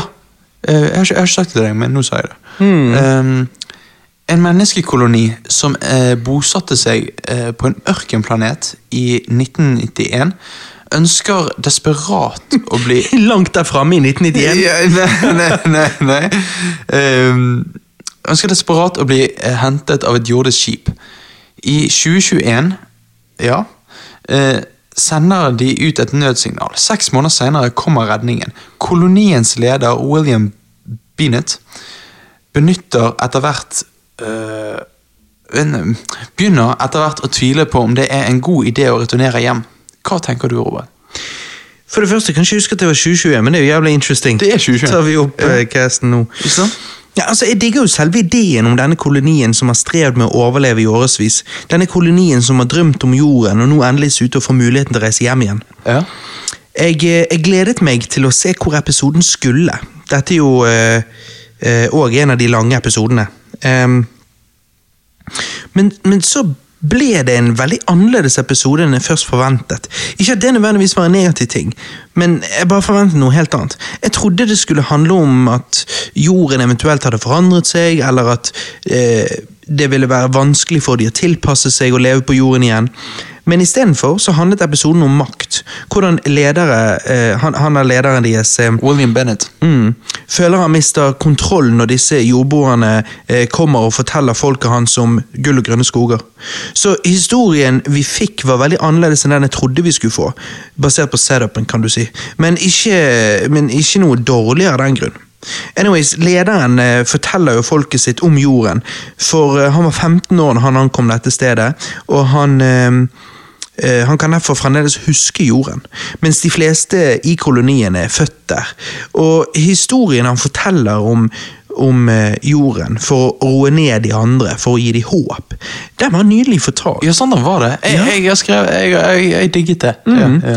Og han fikk meg til å tenke over det jeg sjøl tar for gitt med å leve på en nydelig jord, spesielt i et fredelig land. ja nettopp. Mm. Sånn. Og, og, og eh, Men selvfølgelig så er jo det dette her med krig og sånn, da, som de òg snakker om. Ja. At det, ja, det er fortsatt kriger på jorden og alt sånt. Sant? Ja, sant? Det var jo litt som vi sa med He's Alive. Altså, er Ja. det noe vi bare aldri vil, vil komme over? Det vil nok alltid være noe. Ja. Nei, Jeg, jeg syns denne episoden er utrolig god. Ikke perfekt, men uh, utrolig god. Og med det så mener jeg at det ville vært typisk å fortalt denne dikta, diktatorhistorien på jorden med en diktator som levde separert fra folket sitt i full luksus. For mange av oss eh, tenker jo naturligvis eh, at det er ingenting verre enn en diktator som lever i, i, i luksus på bekostning av sitt folk. Men tingen er at eh, Eh, alle diktatorer starter jo et sted, og det er det vi, det er det vi får se her. Han her lederen le, lever jo med folket, lider med folket. Eh, det han gjør eh, nei, nei, nei, sorry, ikke det han gjør, men det gjør han ikke nødvendigvis så mye mer likende, eh, for han er utrolig kverulerende og irriterende. Men det gjør at han det gjør han annerledes enn de fleste diktatorene vi kjenner til. Det gjør det. Ting går ikke som han vil, for folket får smaken på frihet når de blir tilbudt å reise hjem. Og hva gjør lederen deres? Jo, han friker ut. På en måte kan du si at um, han her diktatoren har blitt uh, institutionalized, håper jeg å si. Sånn, måten han frykter jorden på, uh, måten han frykter frihet på. Jeg følte kanskje han her diktatoren kunne vært mer realistisk, vært skrevet bedre. Skuespilleren er god, men jeg følte karakteren var skrevet litt dårlig. Denne diktatoren er dum, sta, barnslig, maktsyk og en forferdelig leder. Men hva vet jeg, kanskje alle diktatorer er sånn som han her. Jeg bare syns Rod Serling skulle gjort han litt mer likende òg. For altså, hvorfor har folk fulgt han hvis han ikke òg hadde en sjarm, liksom? Det er det òg som er litt rart. eh, men han begynner ikke han med en slags sjarm i begynnelsen. da. Han gjør vel Han kanskje gjør jo det, og så blir han mer crooked etter hvert. Mm. Jeg bare syns den switchen er veldig rask. Han er jo det. Eh, han er det, uten tvil. Eh, jeg bare sånn Når de liksom hele Når alle liksom roper There's a shit coming Nei, there's a ship coming, sant? Uh, og så There's a shit coming! Alle sammen. The Eh, shit colony! The shit comes! Um, han, eh, han, når alle de vil til jorden, sant, så vil jo han bli igjen. Sant? Og, Mm. og, og, og de på skipet liksom ber jo han om å komme igjen, du må komme med oss. Sant? Vi, yeah. vi drar ikke tilbake igjen for å hente deg. Sant? Han, han, eh, han kommer jo ikke. Uh, og uh, så, når skipet da endelig letter og drar, så ombestemmer han seg og, og, og, og vil. Sant? Som viser jo det at han, han øh, var jo bare ute etter å få de til å skifte, sånn, så han skulle vise at han var sterk, at han holdt sin posisjon. Men med en gang alt håp var ute, da så han igjen hva han faktisk ville, og det er jo selvfølgelig dra tilbake igjen. Sånn. Mm.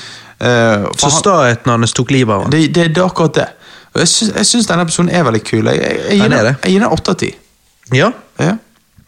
Nei, jeg, jeg, jeg er enig. Jeg også syns dette er en veldig kul episode. Jeg, jeg likte den veldig godt. Tiden fløy, og jeg nøt hvert minutt. Men nettopp fordi jeg likte den så godt, så eh, kunne jeg bare ønske han var enda litt bedre. For han var ikke perfekt.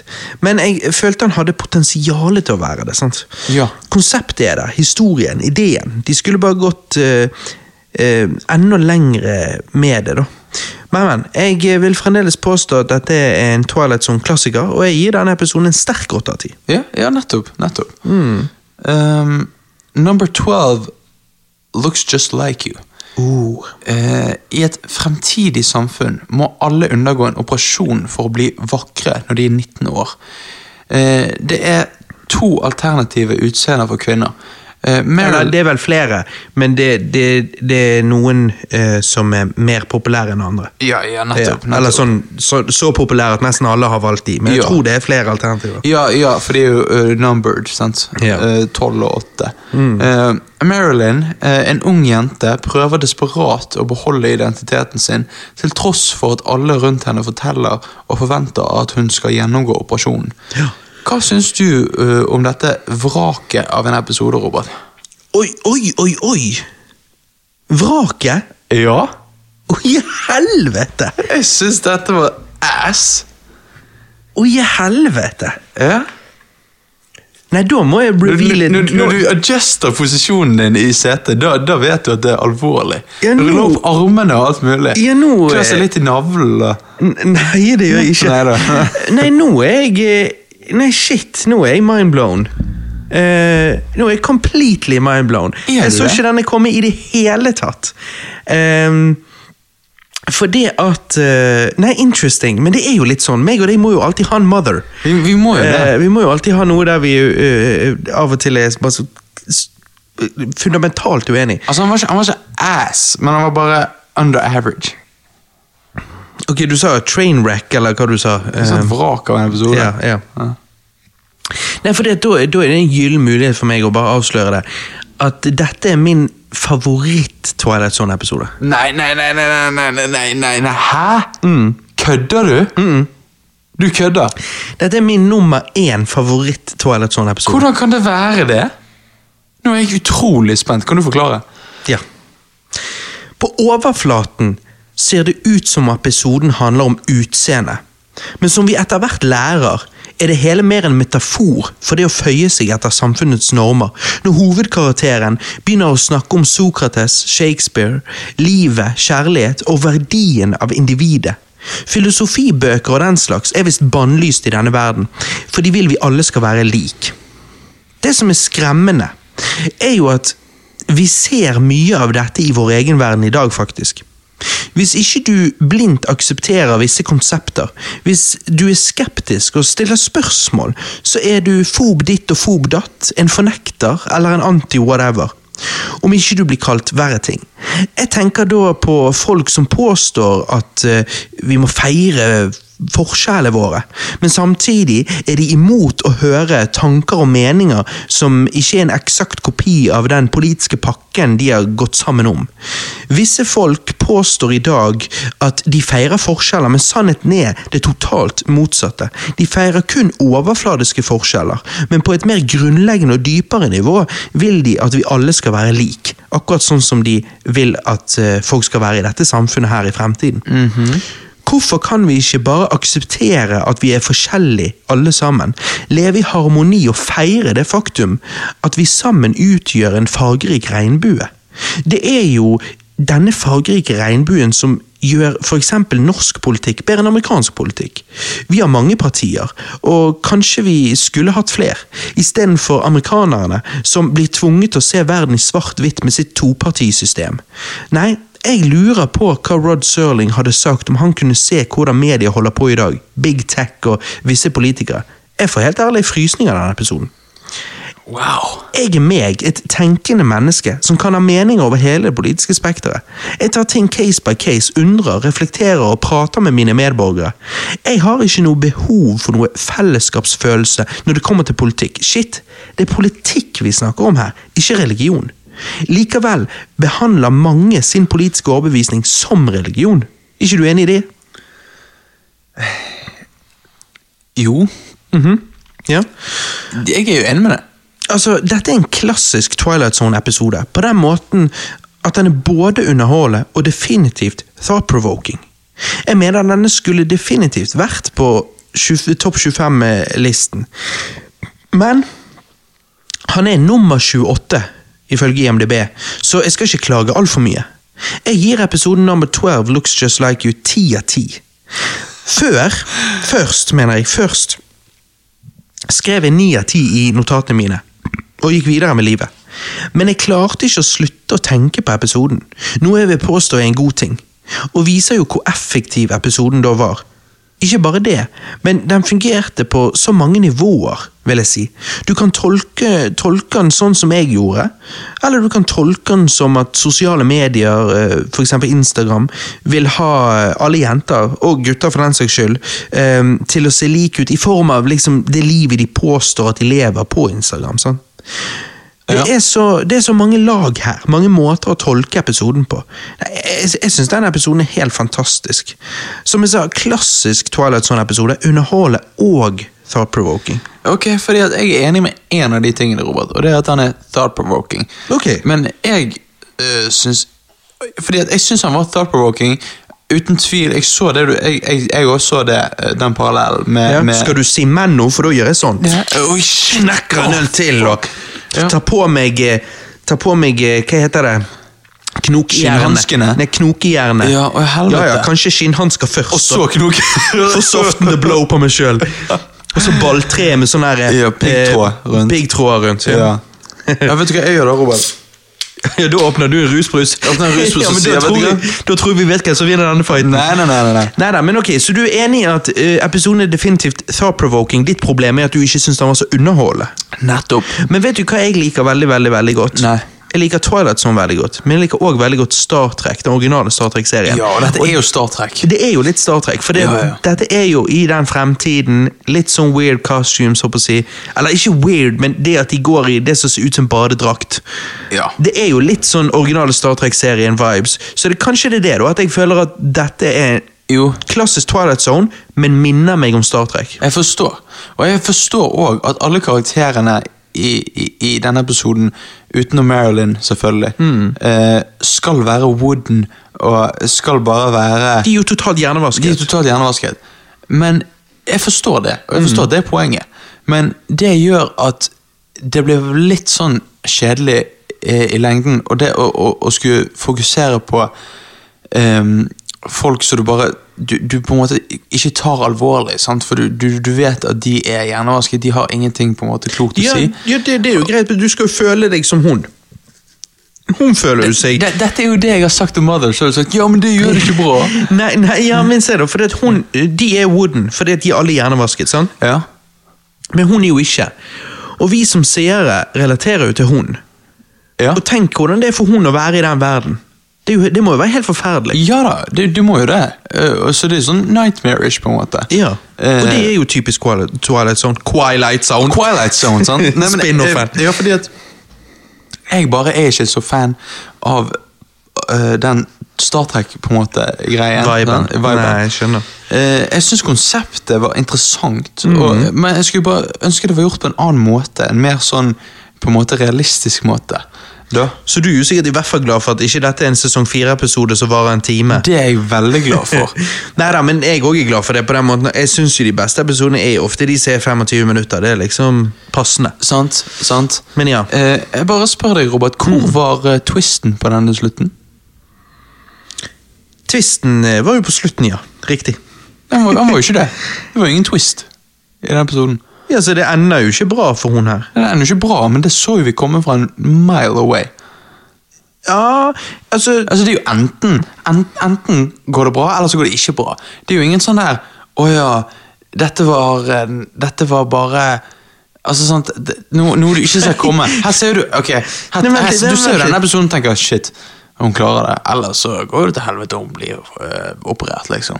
Så det er jo det, enten det du tenker. Ja. Så det er sånn, så sånn når heier det ene du på skjer, så henne. bare Ja, ja hun ble operert. Nei, nei, nei, nei, nei, jeg skjønner. Du hadde bestemt deg sånn fem Nei. minutter ut i denne, du, og alt som kom Nei. etter det, var bare drit. Nei. Jo, for det tingene no, det, det er greit, det ender sånn.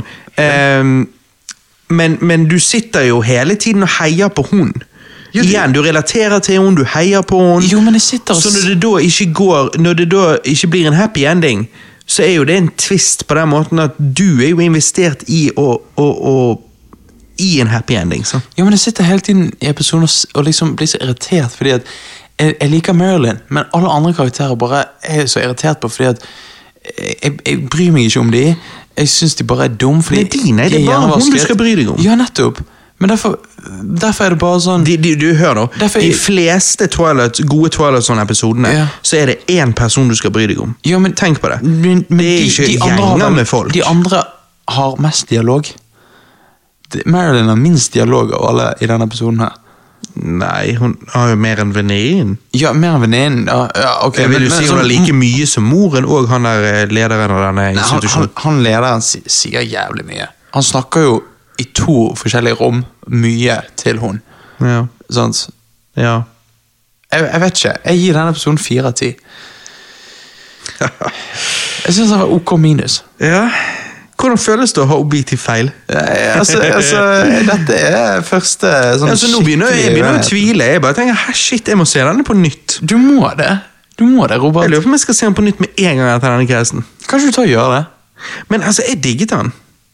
Nei, jeg digget han. Så uansett om jeg ser han på nytt og bare sånn, ja, ok Nei, men jeg, jeg digget han. Jeg tror jeg er litt sånn, som de sa Den der eh, litt sånn Star Trek-viben på denne Twilight Zone-episoden. Ja. Altså Bare de to ordene sammen. Twilight Ja, du- du- du blir hard med en gang, ordene.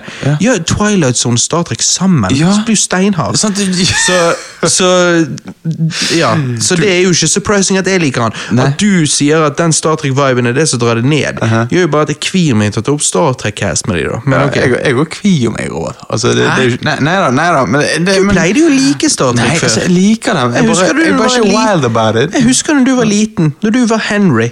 Når du ikke var Boley Jackson. Når du var liksom Ja. innocent. Ja. Da husker jeg du satt og så Star Trek og Ja. Ja, men jeg, jeg føler Twilight Zone har en stil, og dette bare var ikke Twilight Zone-stil.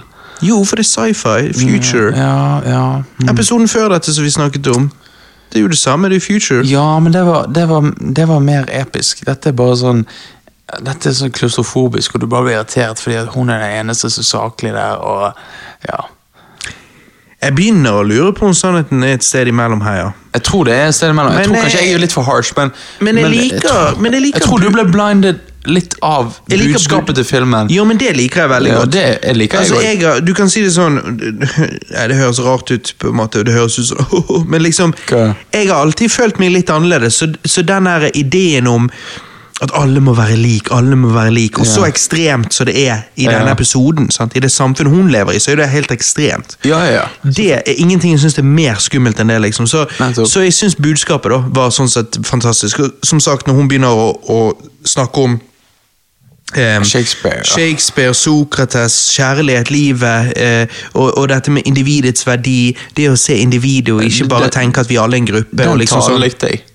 Ja, så det er noe med Så hun som en karakter, da, bare digger jeg. For liksom, hun er jo virkelig en sånn eh, speaker som så ikke lar seg hamre ned i, i dette systemet der alle bare aksepterer å være lik, og digger det. Ja, for sure. De er jo complete sure. hjernevask, de bare digger det. ja. Så jeg digger hun. Jeg digger at hun står opp for seg sjøl. Jeg digger de tingene hun refererer til som faren viste hun. Ja.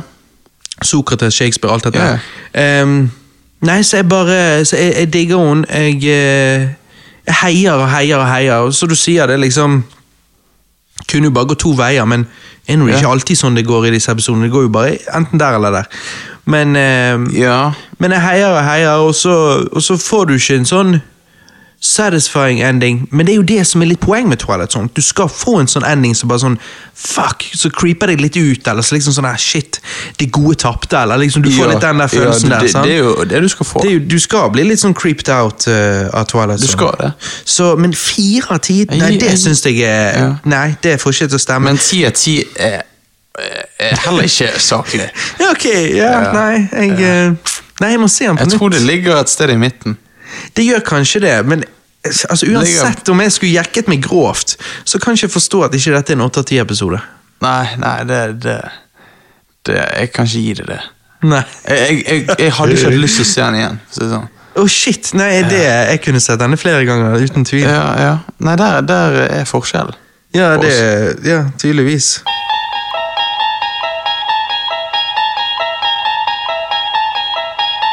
You unlock this door with the key of imagination. Beyond it is another dimension a dimension of sound, a dimension of sight, a dimension of mind. You're moving into a land of both shadow and substance, of things and ideas. You've just crossed over into the Twilight Zone. Da er vi kommet til the main event.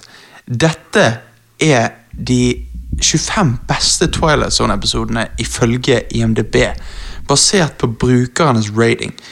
Vi begynner jo da nederst og jobber oss opp mot uh, det som sies å være den beste episoden i serien. Uh, det, num nummer 25. The Changing of the Guard. Professor Ellis Fowler, en gammel kjønnslitteraturlærer skjønnslitteraturlærer som blir eh, motvillig pensjonert etter eh, å ha jobbet på skolen i 51 år. Etter å falle inn i en dyp depresjon forsøker han å ta eh, sitt eget liv på julaften. I, det øyeblikket eh, hører han en bjelle ringe eh, han inn til skolen. Der møter han spøkelser fra avdøde skoleelever. De forteller eh, han hva eh, han har gjort for dem og eh, lært dem. Hva syns du, Robert? Nei, Jeg syns jo først og fremst at det er utrolig interessant å se Donald Pleasence her. Ja, ikke sant? Dr. Loomis? Jeg visste jo ikke at han var med i noen Twilight Zone-episoder. Dette er ikke hans beste rolle, det må jeg ærlig si, men en dårlig Donald Pleasence performance er fremdeles en relativt god performance. Dette er en ganske koselig feel good juleepisode. Litt sånn som filmene It's a Wonderful Life eller A Christmas Carol. En fin historie om hvordan vi påvirker hverandre. Hvordan vi utgjør en positiv forskjell på folk i denne verden uten å nødvendigvis være klar over det. Problemet mitt med denne episoden er hvordan historien er fortalt. Jeg syns episoden kan være litt preachy. Eller kanskje preachy er feil ord å bruke, men litt too on the nose. Eh, jeg er jo litt sånn show, don't tell. Når alle disse døde elevene forteller hvordan han som lærer har vært en positiv påvirkning på dem, så virker det veldig som en klein ungdomsskolepresentasjon. Disse Ja. unge skuespillerne var ikke så gode. Så denne episoden er koselig. Eh, men han traff ikke så godt som jeg kunne ønske. Sterk seks av ti, er det lov å si? Ja, det er lov å si. Jeg gir han fem av ti, da. Men eh, Oi, ja, du gir han ja. eh, Ja, shit. Enda ikke- lavere. ja, jeg syns ikke du var så, så bra, egentlig. Jeg kjedet meg litt i episoden. Jeg kjedet meg mest på slutten med denne ungdomsskolepresentasjonen. Ja, da, kjedet, da teppet jeg nesten helt ut, eh, for, for å være helt ærlig. Men, Men dette det må jo sies til lytterne. Twilight Zone er jo svart-hvitt. Johannes har jo en tendens til å Det er jo sovemedisin for han. Det er jo er, det, det. er, det er jo kryptonitt det, det er faktisk Johannes. kryptonittet mitt, Ja. eh, jeg må jo bare ærlig innrømme det. Det og eh, anime. Ja, anime, nettopp. Men eh, jeg, eh, jeg syns jo at Donald Plessis spiller verdens koseligste gamle mann. Men han er jo bare koselig. Han er jo bare koselig. sant? Ja. Og, og, og, og, liksom det der eh, Når du ser helt på slutten, da eh, Når de synger utenfor sånt julesanger, sant? og han ser ut vinduet og synger med. Sant? og Han, bare, han er så lystig og fin. Hey, du vet den der creepy, fucked up creepy talende eh, håper å si, i eh, Halloween? Ja. Med denne evil og dette. He's evil. Ja. Ja. Jeg har lyst til å ta den voiceoveren der, Ja. og putte den i bakgrunnen på endingen. Oh shit, det er det Sånn at hele greien er liksom Han er en så positiv påvirkning, og da, da, da. Og så bare hører du at han snakker om noe sånn sick shit, og du bare lurer på om er han egentlig en, De tror han er en good guy. Er han egentlig en seriemorder eller noe? Det- tenk- snakker han om seg sjøl? Liksom, sånn. Bare sånn YouTube-video, bare sånn Ja. Ja, men det er det faen meg Frozen You Stiff, liksom. Det hadde vært jævla viktig, fordi at du, du senker eh, Altså Episoden heter The Changing of the Guard, mens du, det er jo en episode så får de til å senke garden din, og så plutselig bare slår du dem med den ekle Sant? talen der. Det er Det, det er faen meg creepy. The Howling Man, nummer 24. Nei, jeg er, jeg, er, jeg er ingen ulv. Hva er, hva er din Det var Michael Jackson, han prøver å ulve. Hva, hva er din eh, Få høre ulv. Nei da, de var jo verre. Nei. Ja, min, er- min, ok, da skal jeg klare bedre. Nei, nei, nei, nei, drit. Nei, nei, nei, hør. Ok.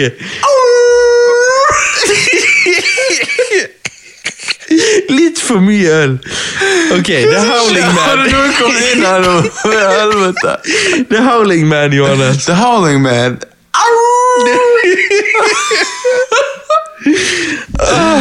Denne episoden er fortalt gjennom et flashback av David Ellington. En amerikaner som gikk seg vill i en storm i Sentral-Europa i 1925. Gikk han seg vill i en storm i Sentral-Europa 1925?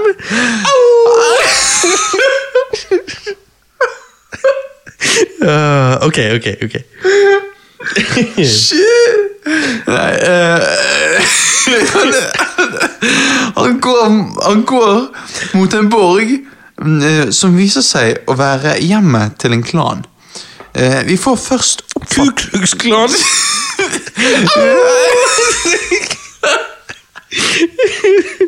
ja, nei, ikke til en klan, det er jo til en sekt. Altså type sånn munkeopplegg. Ja, for det er ikke samme tingen. Nei, altså, ja, ja, jo, jo. Ja. ja. En gjeng med munker, holdt på å si. Ja, med langt skjegg. Ja. Eh, vi får først oppfatningen av at noe upassende tar stedet. Og så ser du en haug med munkemenn med langt skjegg som bare «Au!» Ah, shit. Er Derfor du skjønner det er noe upassende som tar, Hva du sa tar stedet her? Nei, ja. Du hva ut som disse her beskrivelsene på episoden, Johannes. Har du tatt fra IMDb, og så har du tatt inn i Google Translate, og så leser du de tilbake på norsk? Sånn, det der tar sted har meg og deg alltid Finner sted? Ja, nei, ja, ok. Upassende finner sted der, da. Ja. Uh, men er det virkelig sekten som er faren? Au! Nei, ja, ok, nå er det nok. Nå sitter han og stopper for dette. Vi har langt igjen å gå. Vi er på episode Nei, vi er på ikke episode, vi er på liksom nummer 24 på listen. Så eh, kom an og gønn på. Ok, ja. Hva syns du om denne episoden? Robert? Nei, faen, jeg aner ikke hva den handler om! Se, Jeg har jo sagt det! Ja, men du har jo sagt det med så mye avbrytelser at si alt om igjen. Nei, jeg tar kortversjonen. Ok, en dude kommer til en borg. Han ser en sekt som oppfører seg jævlig rart. Det er munker, og uh, han tror først at ting er litt sånn rart og sånn med de munkene, men er det egentlig de som er faren? Nei, det er ikke nødvendigvis de som er faren, men oppfører de seg så veldig rart? Ja, ja de gjør det. De hører, han hører sånn uling. Ja, Eh, oss i ja, sted. ja, det er oss. Og så, og så liksom eh, eh, Og så syns jeg det er rart. og så tenker han Så tenker han Er det Johannes og Robert som driver og tar podkast her, eller?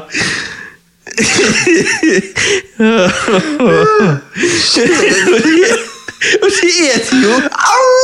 Lite visste han at det var det det hele handlet om! Nei, nei, nei, Det er jo ok. det er twist i denne episoden. Ok, men hallo, hallo. Vi må faktisk gi denne episoden a fair shot. Ja, ja, ok. Ok, da skal jeg prøve. Da skal jeg prøve å ta over. Ja.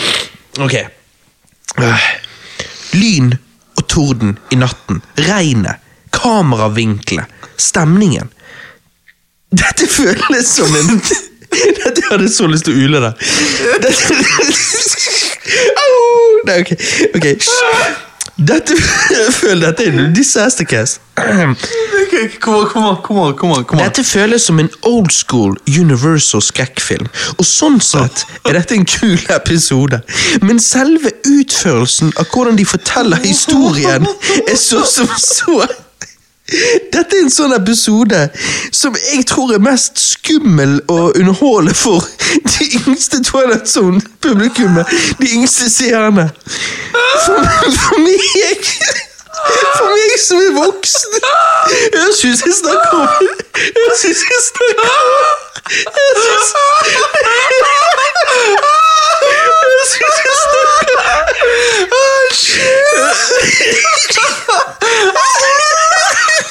Jeg synes, jeg tror jeg snakker om den morsomste episoden. Det er jo ikke det. Det er jo depressing as fuck. For meg som er voksen, så syns jeg ideen er kul, men som sagt utførelsen Utførelsen mediocre. Jeg er så trøtt. I tillegg I tillegg Jeg syns du snakker om pornofilm. Du bare sånn, Jeg syns altså, Jeg fikk jo det til, men utførelsen var mediocre. Okay. I tillegg til at slutten var litt teit, syns jeg. The Holy Man får dessverre Får dessverre bare en svak sekser. En svak sekser ti! Ok, Okay, så Ok, ok, Nå må vi faktisk prøve å redde denne gesten. Ja, det må vi. Hva Wow. gir du denne? Jeg gir han tre av ti, Robert. Oh, hæ? What? Jeg hatet han. Oi, shit. Jeg syns han var ass. Du ga jo en dårligere enn eh, Number 12, Not Ja. Just Like Me. Ja. Hæ, du syns han var ass? Ja. Ok. Fordi at uh, jeg, jeg, bare Jeg syns ikke munkene uh, Altså, jeg ble bare irritert med munkene. Altså, sånn, de, de, de Og den ulingen. Ja, de, de har ulingen hele tiden. Jeg skjønte faen ikke hva som foregikk. Og så, og så plutselig snakker han med han der duden, sant? Og, og, og, og liksom uh, Jeg bare Jeg ga en svak seks av ti, og da tenkte jeg Jeg håper ikke jeg er for streng. Nei, nei, nei. Jeg tenkte så den episoden, så tenkte dette, denne tror Johannes kommer til å like. Åh, shit, nei. Og så hatet du han Jeg faktisk. hatet han. Jeg var ikke underholdt i det hele tatt. Nei. Nei, men eh, Var du overholdt, da? Jeg var overholdt. Jeg var, det var overgrep på, Ja. på hjernen min. Um, så jeg har faktisk ingen positivt å si om denne episoden. Ja, men fuck it, da. Ja, fuck it. Ja. Um, Next. next. Nummer 23. Walking Distance. Dette er jo James Rolfe sin favorittepisode. Yep. Uh, Martin Sloan, alder 36, stopper på en bensinstasjon for å få service på bilen. Han, han ser et skilt med navnet til hjemstedet der han vokste opp. Uh, det er gåavstand, så han tar seg en rusletur uh, opp over veien. Han merker at ting ikke har forandret seg, eh, og kjenner eh, mange folk igjen. Men hvorfor? Robert, hva syns du om episoden? Jeg kan jo kjenne meg veldig igjen eh, i hva denne episoden handler om. Jeg romantiserer jo alltid fortiden, men spørsmålet er eh, Går jeg da kanskje glipp av nåtiden? Sorry. Eh, Jeg har ikke, jeg, jeg, jeg har ikke tord å virkelig stille meg sjøl det spørsmålet. Eh, men jeg burde kanskje eh, tenkt litt på det en dag. Men jeg, jeg driter i det! Au! Jeg kunne ikke brydd meg mer! Uh! Nei, mindre. Sorry. Ok, Nå må ikke du spytte øl utover alt.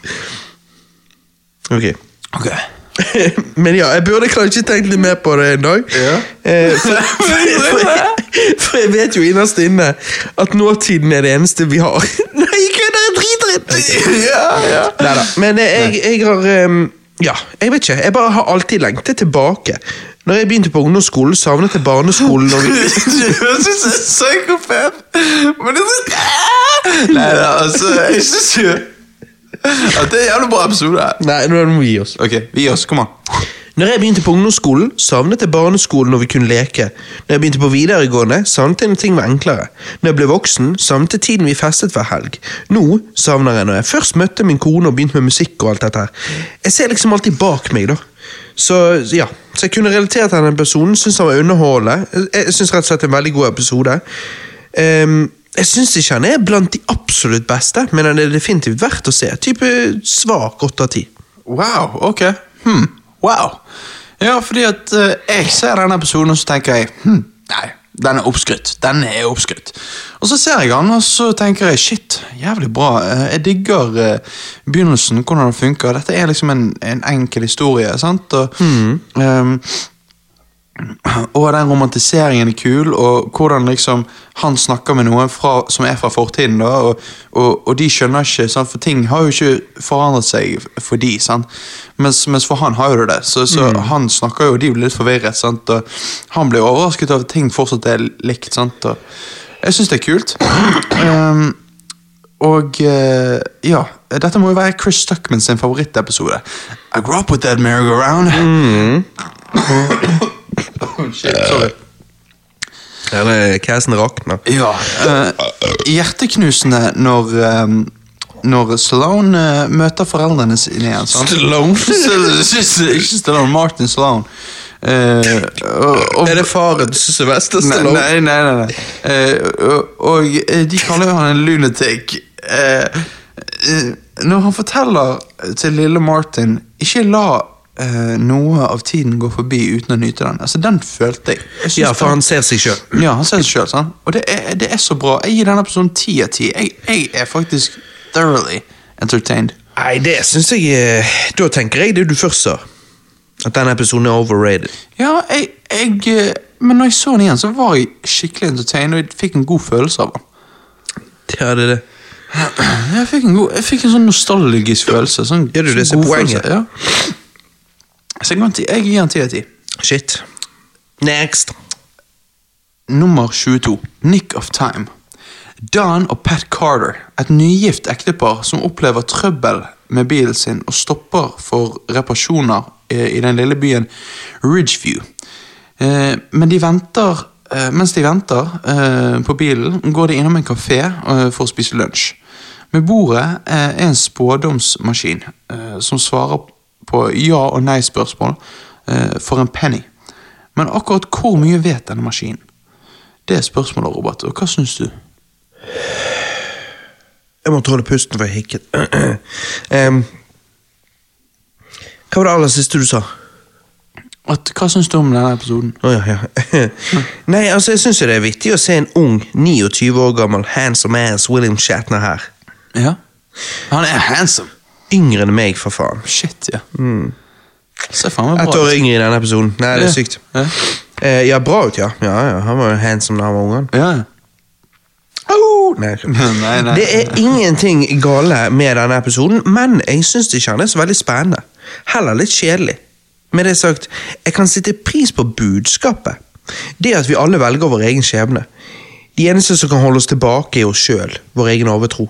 Så budskapet var kjempebra, men episoden var relativt kjedelig. Eh, Nick of Time får en svak seks av ti fra meg. Wow.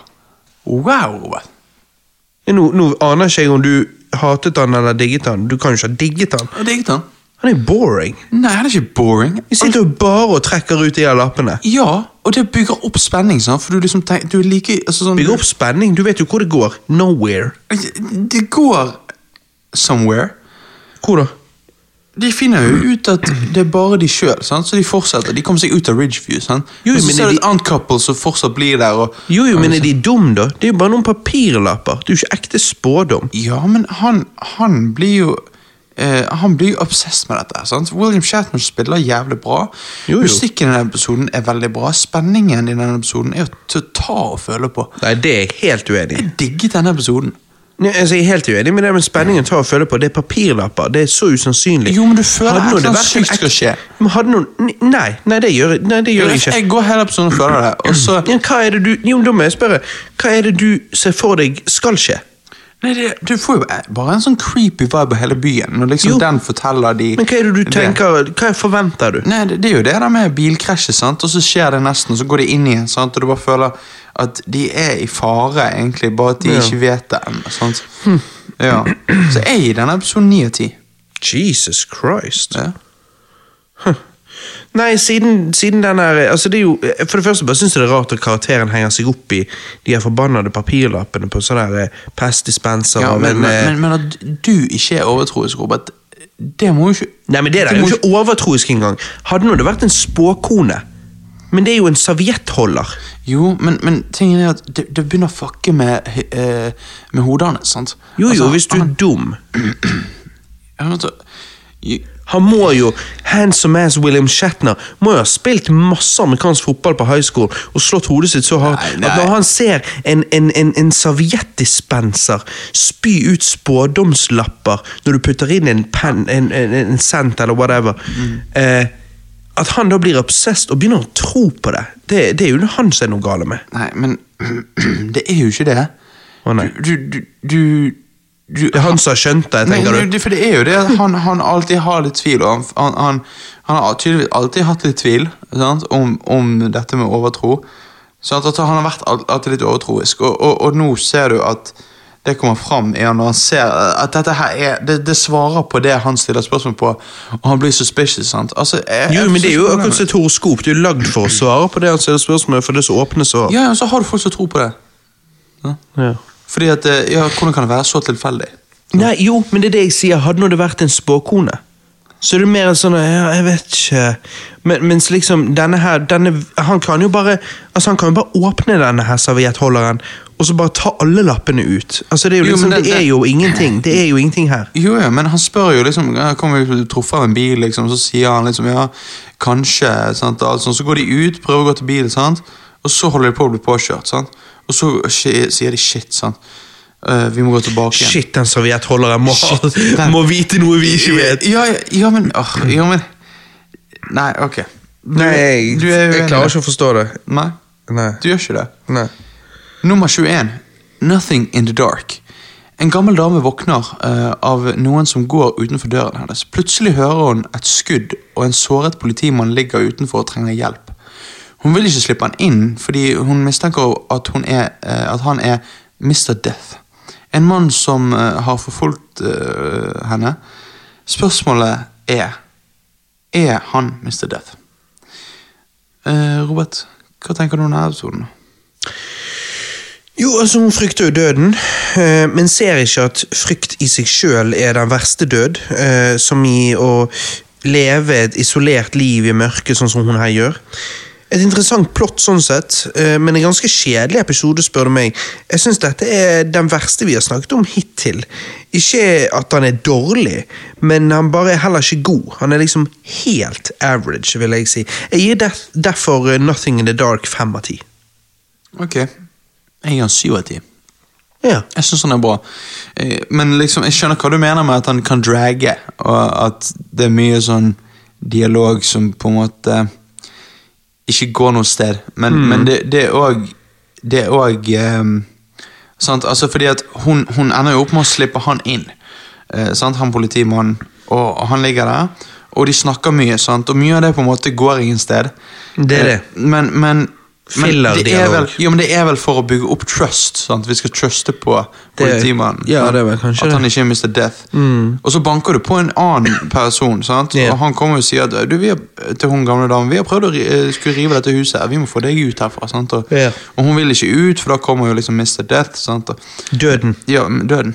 Eh, så nei, jeg, jeg, jeg gir det en syv av ti. Jeg, jeg var underholdt, men, um, men ja. Ikke en av de beste. Nei, det var det ikke. Nummer 20, Shadowplay. Ja. Alan Grant. Alan Grant, hæ? Adam Grant. Å ja. Ja, ikke Jurassic Park. Ikke Jurassic Alan. Park, nei. nei. Jeg trodde dette var prequel til Du Jurassic gikk Park. rett tilbake til Jurassic Park. Ja, fuck. Uh, Dette er broren, Adam Grant. ja, Adam eller bestefaren, eller Ja, faren. Eh, en skyldig morder uh, som blir dømt til døden og blir sendt til den elektriske stol. Men Grant mener at dette ikke er virkeligheten, men en drøm han har hver natt. Klarer han å overtale folkene i drømmen sin om at det er en drøm? Det er spørsmålet. Hva, hva syns du, Robert? Nei, altså, Jeg har jo hørt folk si at dette er en klassisk Twilight Zone-episode, på den måten at han er underholdende og thought-provoking. Men er han? Adam Grant er stuck i en drøm, Inception-style. Men hva så? Hva er budskapet her? Hvorfor er dette thought-provoking?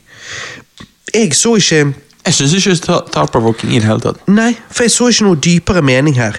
Eh, jeg så heller flere plotthull. Han fyren fra pressen tror Adam Grant snakker sant om det å være stuck in drøm, men vi får aldri se hva som overbeviste han.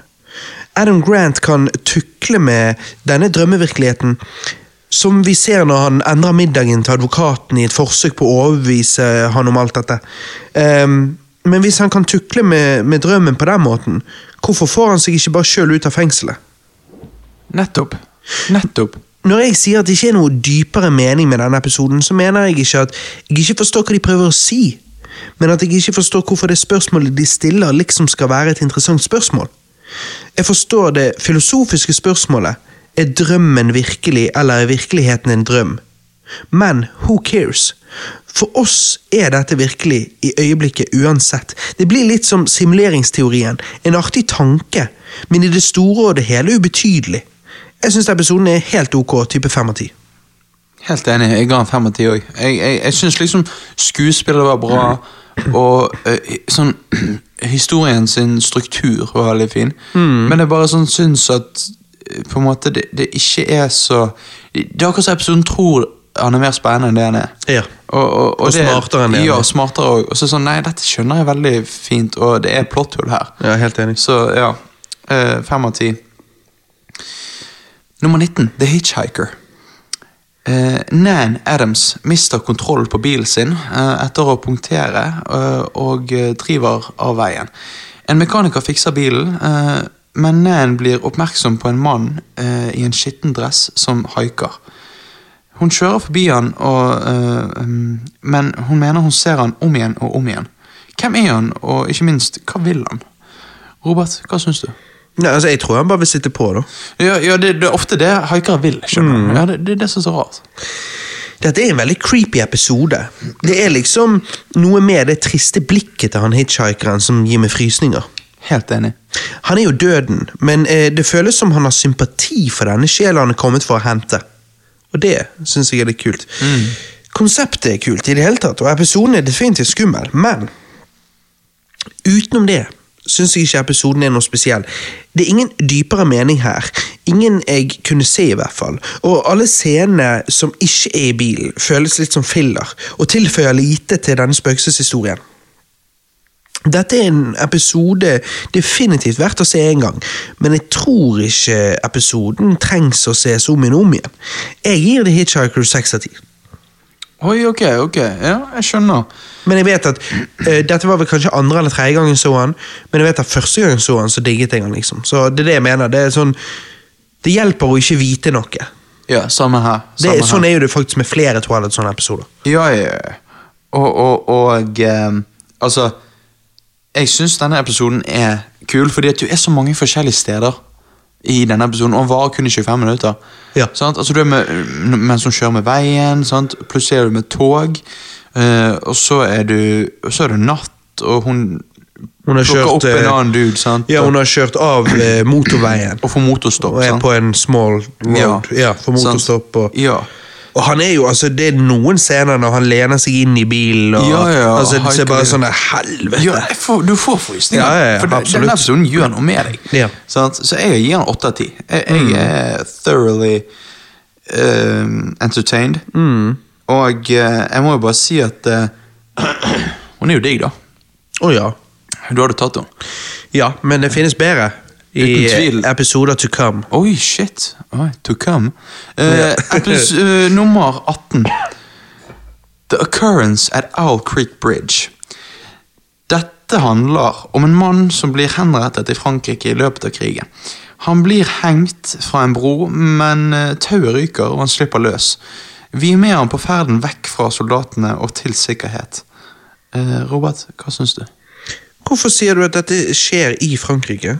For det skjer i Frankrike. Hva? Ja, de snakker fransk.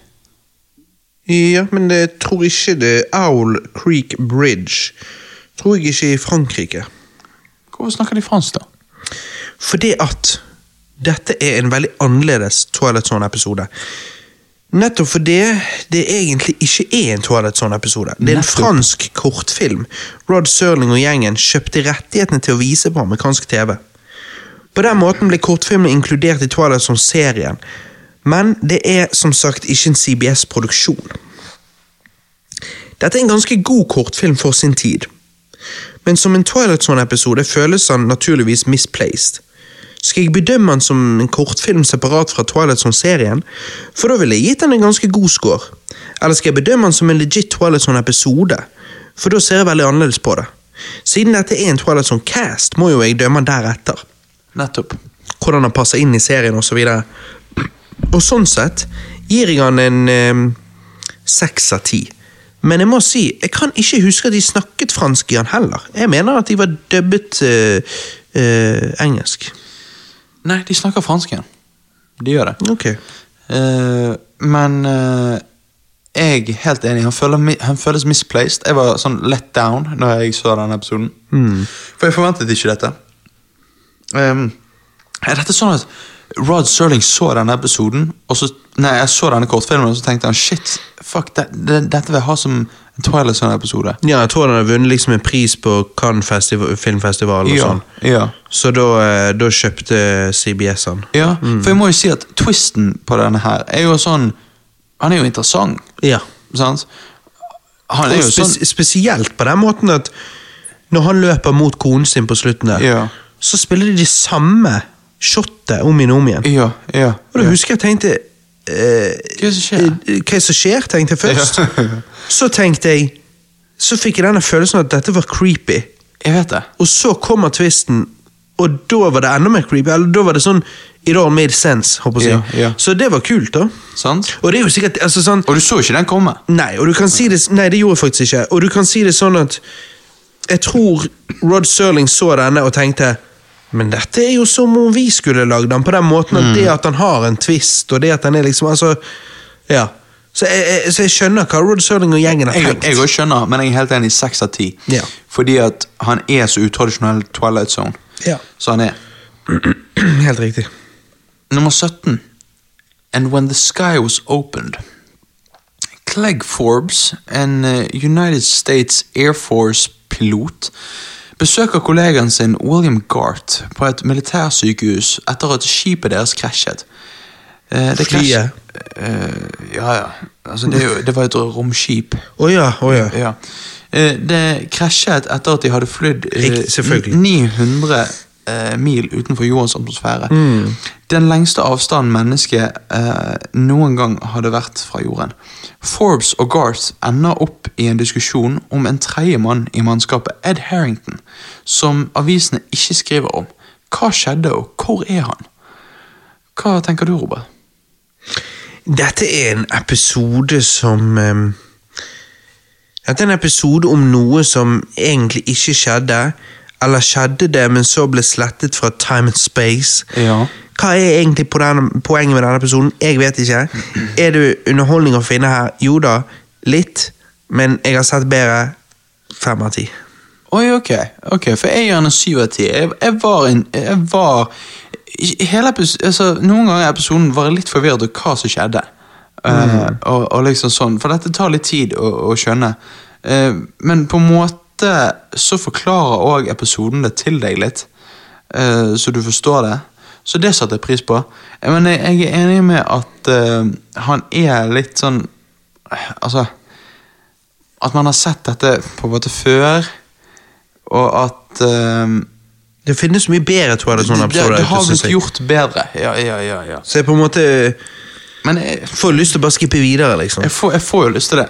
Det er definitivt ikke en, en jeg kommer til å se igjen, men når jeg så den, så var jeg, underholdt, liksom. Hadde du, hadde du sett den før? Nei. Nei, for det hadde jo jeg. Oh, ok, men da gir det mening. Ja. Nummer 16. The After Hours. Marsha White, en ung dame som er ute etter en gave til sin mor. Hun ble tatt opp i niende etasje eh, i en åtteetasjes bygning. Eh, Dun, dun, dun. Ja, ja, ja. Eh, det er helt tomt der. Eh, hun møter en merkelig dame som selger henne akkurat det hun er ute etter.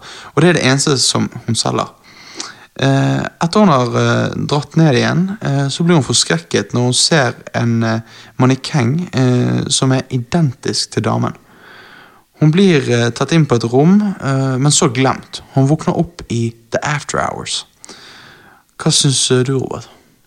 Blir hun tatt inn på et rom og så glemt? Ja, hun, blir, hun, hun besvimer jo, sant? og så tar de henne inn på et Ja. sånt bakrom, og så blir hun glemt der. Glemmer hun. Ja, bedre det enn at det skjedde noe annet. Ja, be- bedre at uh, Ble tatt inn på et bakrom og så Høvlet. bangt. Ja, ja, Bedre med glemt. ja. Nei, denne episoden eh, Jeg går fra sånne vitser til det jeg skal si nå. Ja, ja. Denne episoden har jo noen flotte damer. Han har det. Eh, Sorry, det er sikkert kjempeforferdelig av meg å si, men jeg likte den tiden når kvinner casually gikk med skjørt og kjoler, istedenfor i dag, som menn plutselig skal gå med det, som om det var normalt. ja, ja, Nei, ja. jeg, jeg, bare, jeg bare tuller. Vi lever jo i 2021. Fremtiden. Fremtiden. Selvfølgelig er det absolutt ingenting rart med menn som tar på seg kjoler, nøyaktig samtidig som det blir trendy på sosiale medier, påstår at de gjør det fordi det føles naturlig, og de alltid hatt lyst til å gjøre det, og det, det er den de egentlig er, men slutter med det en uke seinere. Det er jo en helt tilfeldig handling, eh, genuin handling, og ikke clout-chasing whatsoever. Nettopp. Det sier jo seg sjøl, spesielt er det en ærlig handling når du en uke senere sletter bildene av deg sjøl i kjole på Instagram. De bildene der du påsto at du endelig var deg sjøl. Ja. Anyways, tilbake til episoden. Det er en underholdende episode. Budskapet her Rod Serling ligger fram uh, på slutten, er jo at når vi passerer folk på gaten, så vet vi egentlig ikke hvem de er. Hvor skal de? Hvor kom de fra? Ikke så veldig dypt budskap. Men litt, litt forstyrrende. Ja, det er likevel en artig greie. Ja. Av en mer underholdende episode som ikke nødvendigvis er så veldig thought-provoking, så er dette en av de bedre, syns jeg. Syv av ti. Å, ok. ok. Jeg har alltid syntes at dette er en av de mest creepy uh, Twilight-episodene. Det syns jeg var første gang jeg så den. Ja, ok. Første gang jeg så den, var jeg frelst. Første gang jeg så den, så, så fikk jeg ikke sove. Nettopp. Ja. Det er noe med det der, altså, sant? Det er litt dumt, da, men det er noe med det at første gang du ser noen, eh, Mhm. flere av disse her, så er de pretty mind-blowing. Men, og spesielt kanskje Men- hjelper det at du er yngre, Ja. men, men, eh, men ser du det igjen, så mister de litt valuen. Jo, men kan jeg, prøve, kan jeg prøve å overbevise deg, Robert? Ja, gjør det. Altså, Det er jo tross alt hard- hardis her. ja, men ja, det, altså, kan vi bare si at La daddy, we all came to party. Hun, eh, damen hun møter oppe i 9. etasje Måten hennes antrekk bare klemmer eh, hipsene hennes Får de til å få lyst til å høvle men, altså, Du får jo lyst til å høvle. Eh, sant? After hours. After hours. Ja. Marsha. Marsha? Yeah. Marsha. Dette er jævlig creepy. Ja, det er creepy. Ja, altså Når hun går i the after hours rundt på dette senteret, yeah. og uh, mannekengene begynner å snakke til henne mm. um, Hun friker selvfølgelig ut Ja, og eh, tar heisen opp. Eh, der står enda en mannekeng, eh, og, hun bryter sammen. Eh, og så ser vi da eh, det et ekte menneske tar hånd om henne, og eh, ja, episoden blir jo reveal. Jeg vil faktisk ikke si mer, men uh, Og jeg kan si reveal. Plutselig er det Eminem Ja. så står der med masse mannekenger og bare 3 a.m. in the morning Så dette er jo Slim Shady. Nei, nei men altså, jeg bare Jeg syns denne episoden er så jævla creepy, for det er jo Og denne scenen når hun ser gjennom det der eh, eh, dørvinduet, sånn, som er sånn, veldig sånn Det er sånn glass som er sånn kulete, så du bare ser sånn Du vet, På andre siden så kan du se Ruglete, ville du sagt. Ja, ruglete. ja. Kulete. Nei, nei, nei, men du skjønner, du skjønner hva jeg mener. sånn ruglete. Så når hun står på andre siden, så ser hun så jævlig sånn likaktig ut. Og det er yeah. jævlig creepy, det òg. jeg gir denne en ni av ti, Robert. Shit, ja. Har jeg klart å få deg opp én karakter? Eh, det tror jeg ikke, men uh, jeg syns å huske at første gang jeg så han da jeg var like gammel som deg, så tenkte jeg òg ni av ti. Ok. Men så blir man mer Bowley Jackson. Man blir Boley Jackson. And that's the way it is. Ja, litt mer eh, ja. Kritisk. Ja, litt mer kritisk. Og kjip. Ja, kjip. Kjipe mennesker. Ja, det altså. skal ikke være noen kjoler liksom på menn, Robert. Her. Fy faen, så kjip jeg er. Ja, fy faen. Um, gå og ta på meg et skjørt og holde ja, ta, på, ta på deg en tang. Um, nummer 15. The Silence. Jamie Tennyson. The Silence I Kill You, heter han. Nei, nei, nei. Uh, oh, nei, han heter bare The Silence. Ja, han gjør det. Oh, ja. Eh, eh, Jamie Tennison. Uh, et medlem av The Men's Jamie Tyntissen. Hva du sa Robert, nå, nå Robert har du, du, du har drukket for mye, Robert. Du har drukket for mye. Jamie Tyntissen. Ok, du må ikke drikke mer. Jamie Tinnison, et medlem av The Men's Club. Eh, Han heter Jamie Tyntissen! Og så er han med i mensklubben! eh, aristokraten Conal Archie. Eh, Aristokatten? Hva er det du snakker om, Johannes? Du er jo helt ute. Det er ikke, Disney, det er Twilight Song. Aristokraten Colonel Archie blir mektig irritert av Jamies lange mas, eh, så han tilbyr et veddemål om at Jamie må være stille i et lite rom i ett år. Ingen ord på 365 dager, og han vinner en halv million. I prosessen blir det brukt skitne triks, men klarer uh, Jamie det? Hva syns du om denne, Robert? Nei, altså Hele poenget er jo dette med at han liksom skal gå et år uten å snakke. Ja. Men jeg syns jo ikke det er liksom utfordringen her. Oi, sorry, nødvendigvis. Utfordringen er jo at han er et år i fangenskap i et lite glassrom. Ja, Det er jo sykt, men han får jo mat og sånn, sant? Jo, jo. Ja, hvis ikke han har dødd. Ja, mener du at Så det er jo veldig bra, da. Trengs han ikke fikk det. Nei, nei, nei men hva er det Da hadde det vært litt vanskeligere å leve i et år. nei, men hva er problemet ditt, da? Nei, hele fokuset er på det med snakkedriten. Ja, ja, men det er jo òg altså, han- ja, altså, Det er jo fucked up at han blir lagt opp, liksom. Jeg tror Ja, ikke det blir er det som blir utfordringen. Ja, ja. Ville du vært i fengsel i et år for en halv million? Ja, men Der du ikke kan lage en lyd engang. Ja, du kan lage en lyd, du bare kan ikke snakke. Ja, ja, Mm. sant. Anyways, ehm, ja.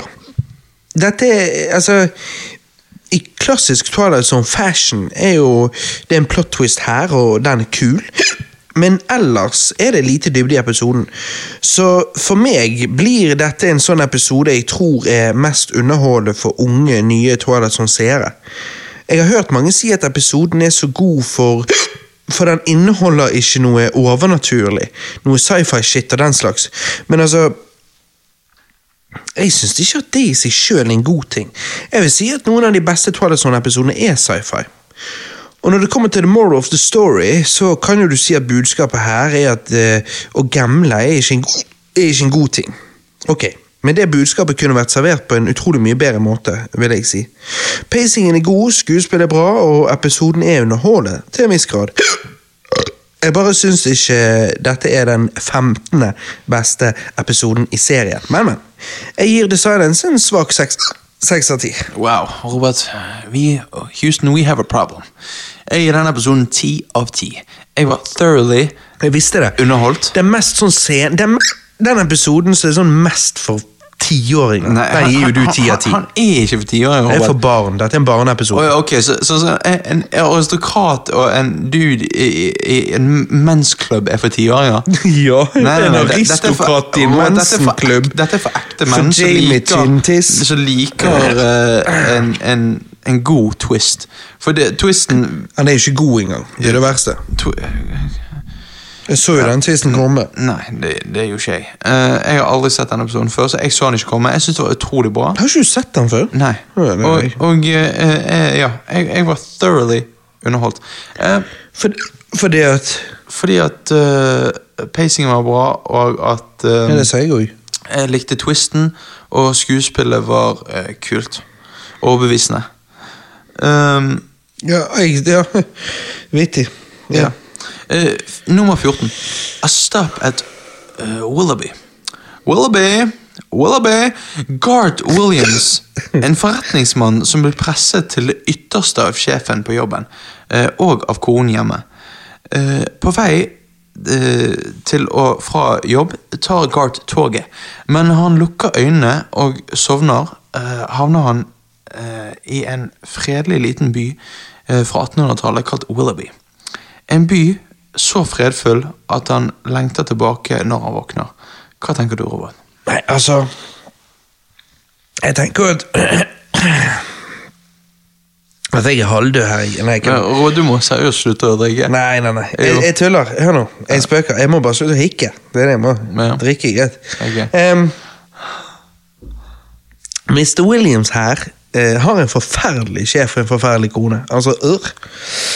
Ja. Det er ikke så rart at han drømmer om Willoughby. Stedet hvor man kan senke skuldrene og nyte livet fra, framfor å jobbe det vekk. Er Willoughby himmel, eller er Willoughby det du trenger at det er for deg? Hvem vet? Alt jeg vet, er at jeg sjøl ofte lengter til et sted som Willoughby. Sommer, solfri og ro. Dette er en veldig fin historie, fortalt på en fantastisk måte med knallgode skuespillere. Ja, og i klassisk Twilight Zone fashion så får du selvfølgelig en liten twist på slutten. Dette er en av de bedre episodene, altså. Det må jeg si. Jeg gir A Stop at Willoughby ni av ti. Ok, for jeg gir den en ti av ti. Altså, jeg er bare mer sjenerøs når det kommer til å, å bare slenge Av og til så gir du plutselig ti av ti episoder fire av ti, så Ja, du er jo bare all over the place. Nei, til de episodene som er fortjent. Ja. Men uansett, eh, jeg, jeg syns at eh, denne episoden er veldig koselig, og jeg er helt enig med deg, Robert. Alt du sa. Jeg syns du oppsummerte det veldig bra. Jeg er helt enig. Nummer 13. Five characters in search of an exit. Er du klar for dette, Robert? Jeg er. Dette er den Dette er Også denne episoden er virkelig like enkel som tittelen sier. En major, en skotte, en hobo, en ballettdanser og en klovn er alle fanget i en stor sylinder.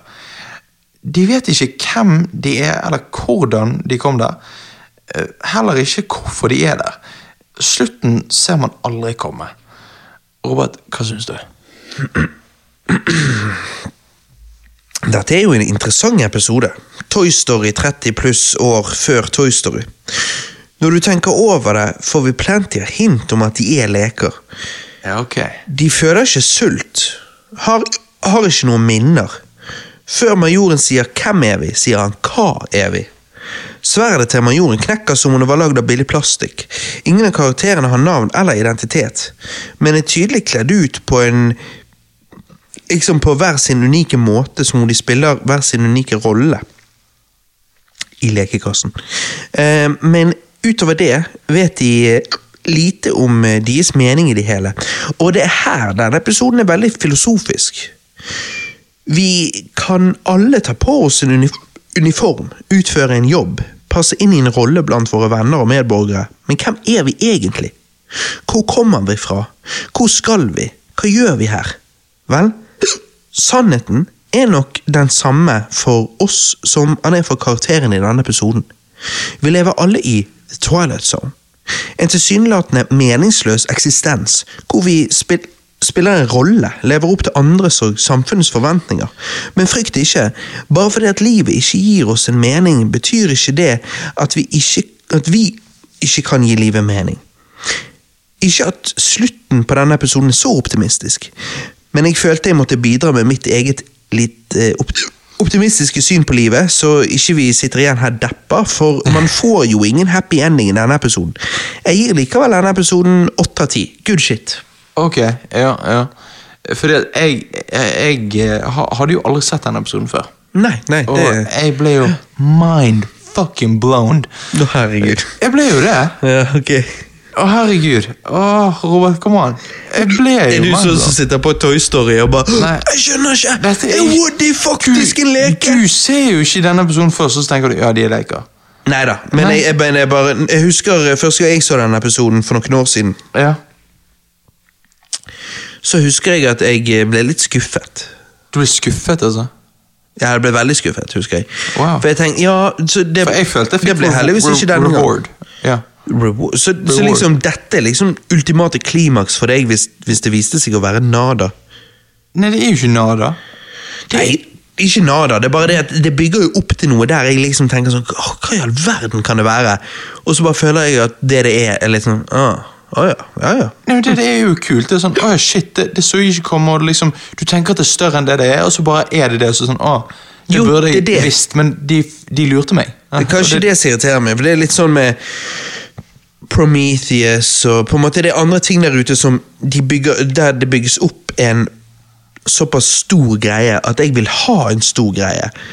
Mens når jeg da får en ikke så sånn sinnssyk ending, så sitter jeg igjen litt sånn Altså Det blir liksom som å bare ha sykeste sexen, og så bare Å, shit, jeg må stikke. Og så bare Å ja.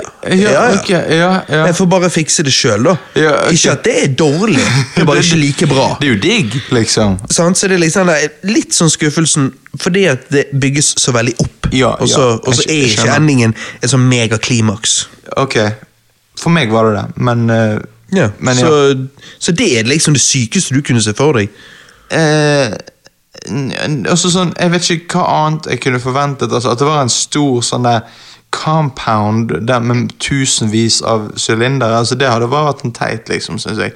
Altså, sånn, jeg, jeg, jeg ville liksom Jeg ville at det skulle være sånn Ok, jeg vil at dette skal være Altså Det at det viser seg at det er veldig ned på jorden, egentlig, er sånn wow, det var litt kult.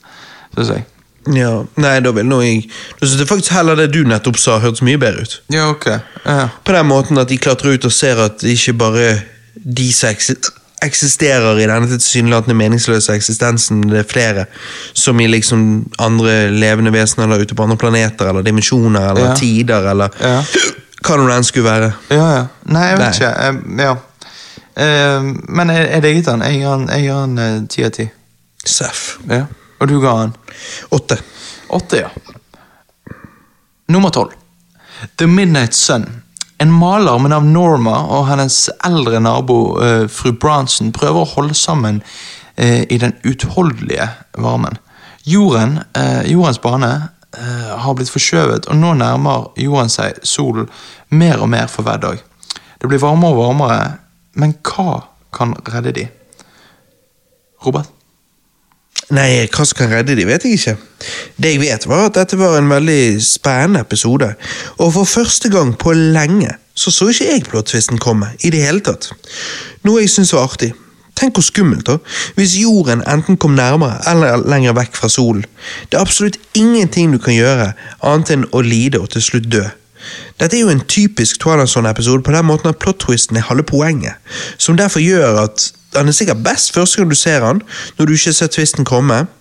Eh, Så hvor gøy han er å se igjen og igjen, det vet jeg ikke ennå. Men eh, jeg må i hvert fall, han, må i hvert fall ses en gang, det, det vil jeg si. Jeg gir The Midnight Sun åtte av ti. Ja, ok, jeg er syv av ti. Jeg, jeg syns konseptet er kult. Jeg bare syns at det er sånn Jeg, jeg, jeg har sett det på en måte for meg før, og jeg Altså, Du har sett det for deg før? ja, jeg har sett for meg dette konseptet før. Sånn, Så jo da er på en måte Nei. jeg litt sånn Å ja, dere skrev det før jeg så det for meg. Ja ja, det er deres problem. Ok, jeg er enig med at det høres litt sånn teit ut, men sånn ehm, Sånn som når han der Når, når, de, når Bronson og Norma er inne hos hun og prøver å liksom holde sammen når det er jævlig varmt, sant, så kommer jo han der hoboen inn. Sant? Han, han bryter ja, seg Han inn. er vel ikke en hobo, men ja. Nei, vet da faen, jeg, men sant Uh, Han er jo vanlig dude. Han, ja. Han går kledd som en fuckings uh, Det er jo drittvarmt. ja, ja, ja. Han snakker jo om konen sin som dauet og alt dette her. Ja, ja, ja, nettopp. Så jeg Ja, tror ok. han skal bare være en vanlig dude. ja, ok. Så bare ting går til helsike. Ja, og så, og så går han inn og så har han en sånn lang dialog med henne. Er bare sånn, ok, snork, sant? Oh. Og så, ja, ja. Uff, nei, jeg føler litt at jeg snakker med en som eh, Nei, Robert, ikke føl så mye. Eh, eh, eh, Nei, men det er bare det litt sånn der eh, Det virker som det du syns er det beste med Twilight Zone. Det er liksom sånn her åh, Og så viste det seg at um, de kom til denne sivilisasjonen, og der så så de på de som liksom aliens. Wow! Nei, det, jeg er jo ikke sånn. Jeg sa jo det at Little People, for eksempel, den Ja. episoden, der var slutten teit. Ja, Nå skal jeg ikke spoile det for, for noen som har lyst til å se den. En teit episode. Eh, ja. men, men, men ja, jeg gir det min sånn syv av ti. Syv av ti. Men let's go. Eh, Nummer elleve, The Absolute Man. Robert, er, er, er jeg en absolute man? Skal du nå fortelle meg at du ikke forsto denne episoden? eh, Du skjønte ikke Det var ikke Hvor er aliensene? Nei, én av ti. Jeg, jeg, jeg forsto han. Hva da? I en fremtid der mennesker uh, som er utdatert, uh, blir dømt til døden, blir Romney Woodsworth, en bibliotekar som uh, er troende, eh, dømt. Han får velge henrettelsesmåte, og han eh, har en betingelse på at folk skal se måten han dør på, og at det skal være på rommet hans. Eh, han inviterer eh, kansleren på rommet sitt en time før henrettelsen. Dette blir stønnen som forandrer begge livene deres. Hva tenker du, Robert? Nei, altså I åpningen her, når Rod Serling beskriver denne superstaten i fremtiden, sier han at uh, med alle superstater som kom før, finnes det én regel.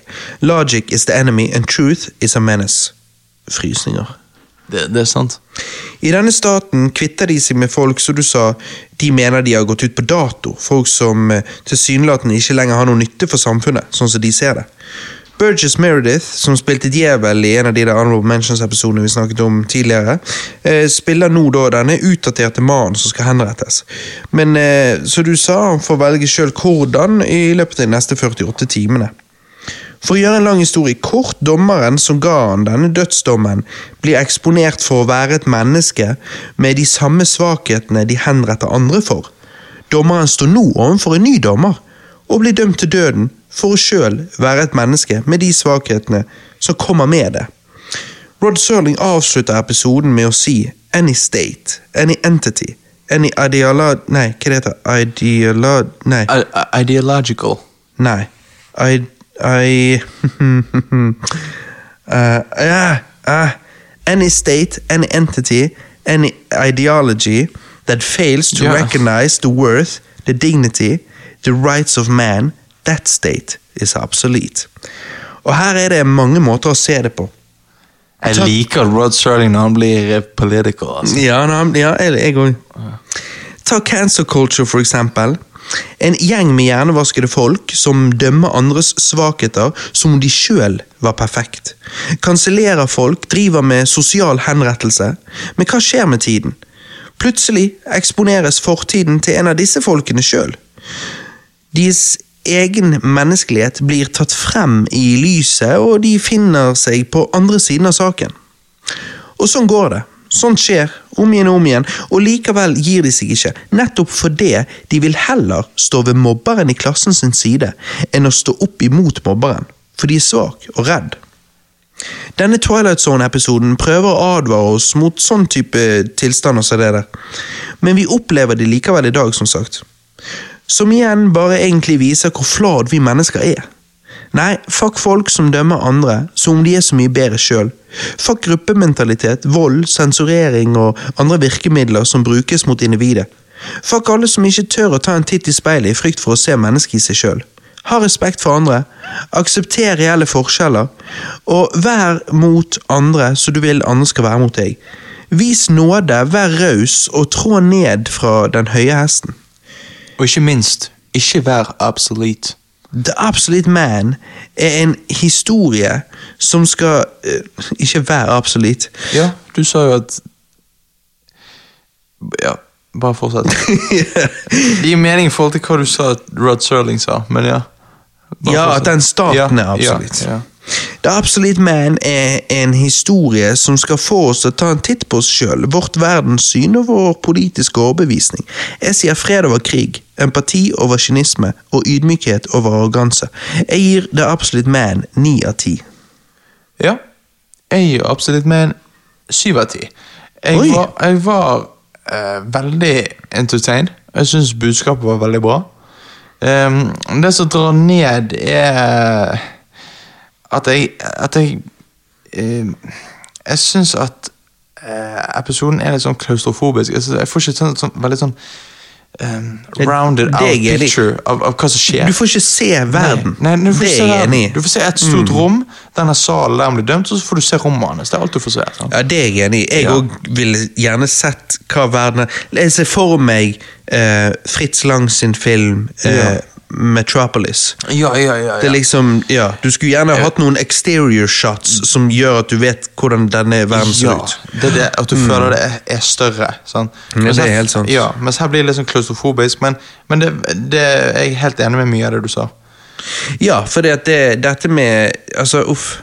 Jeg bare tenker Verden har vært sånn før. Verden noen steder er sånn nå òg. Men jeg bare Ja, jeg bare håper ikke verden blir sånn igjen.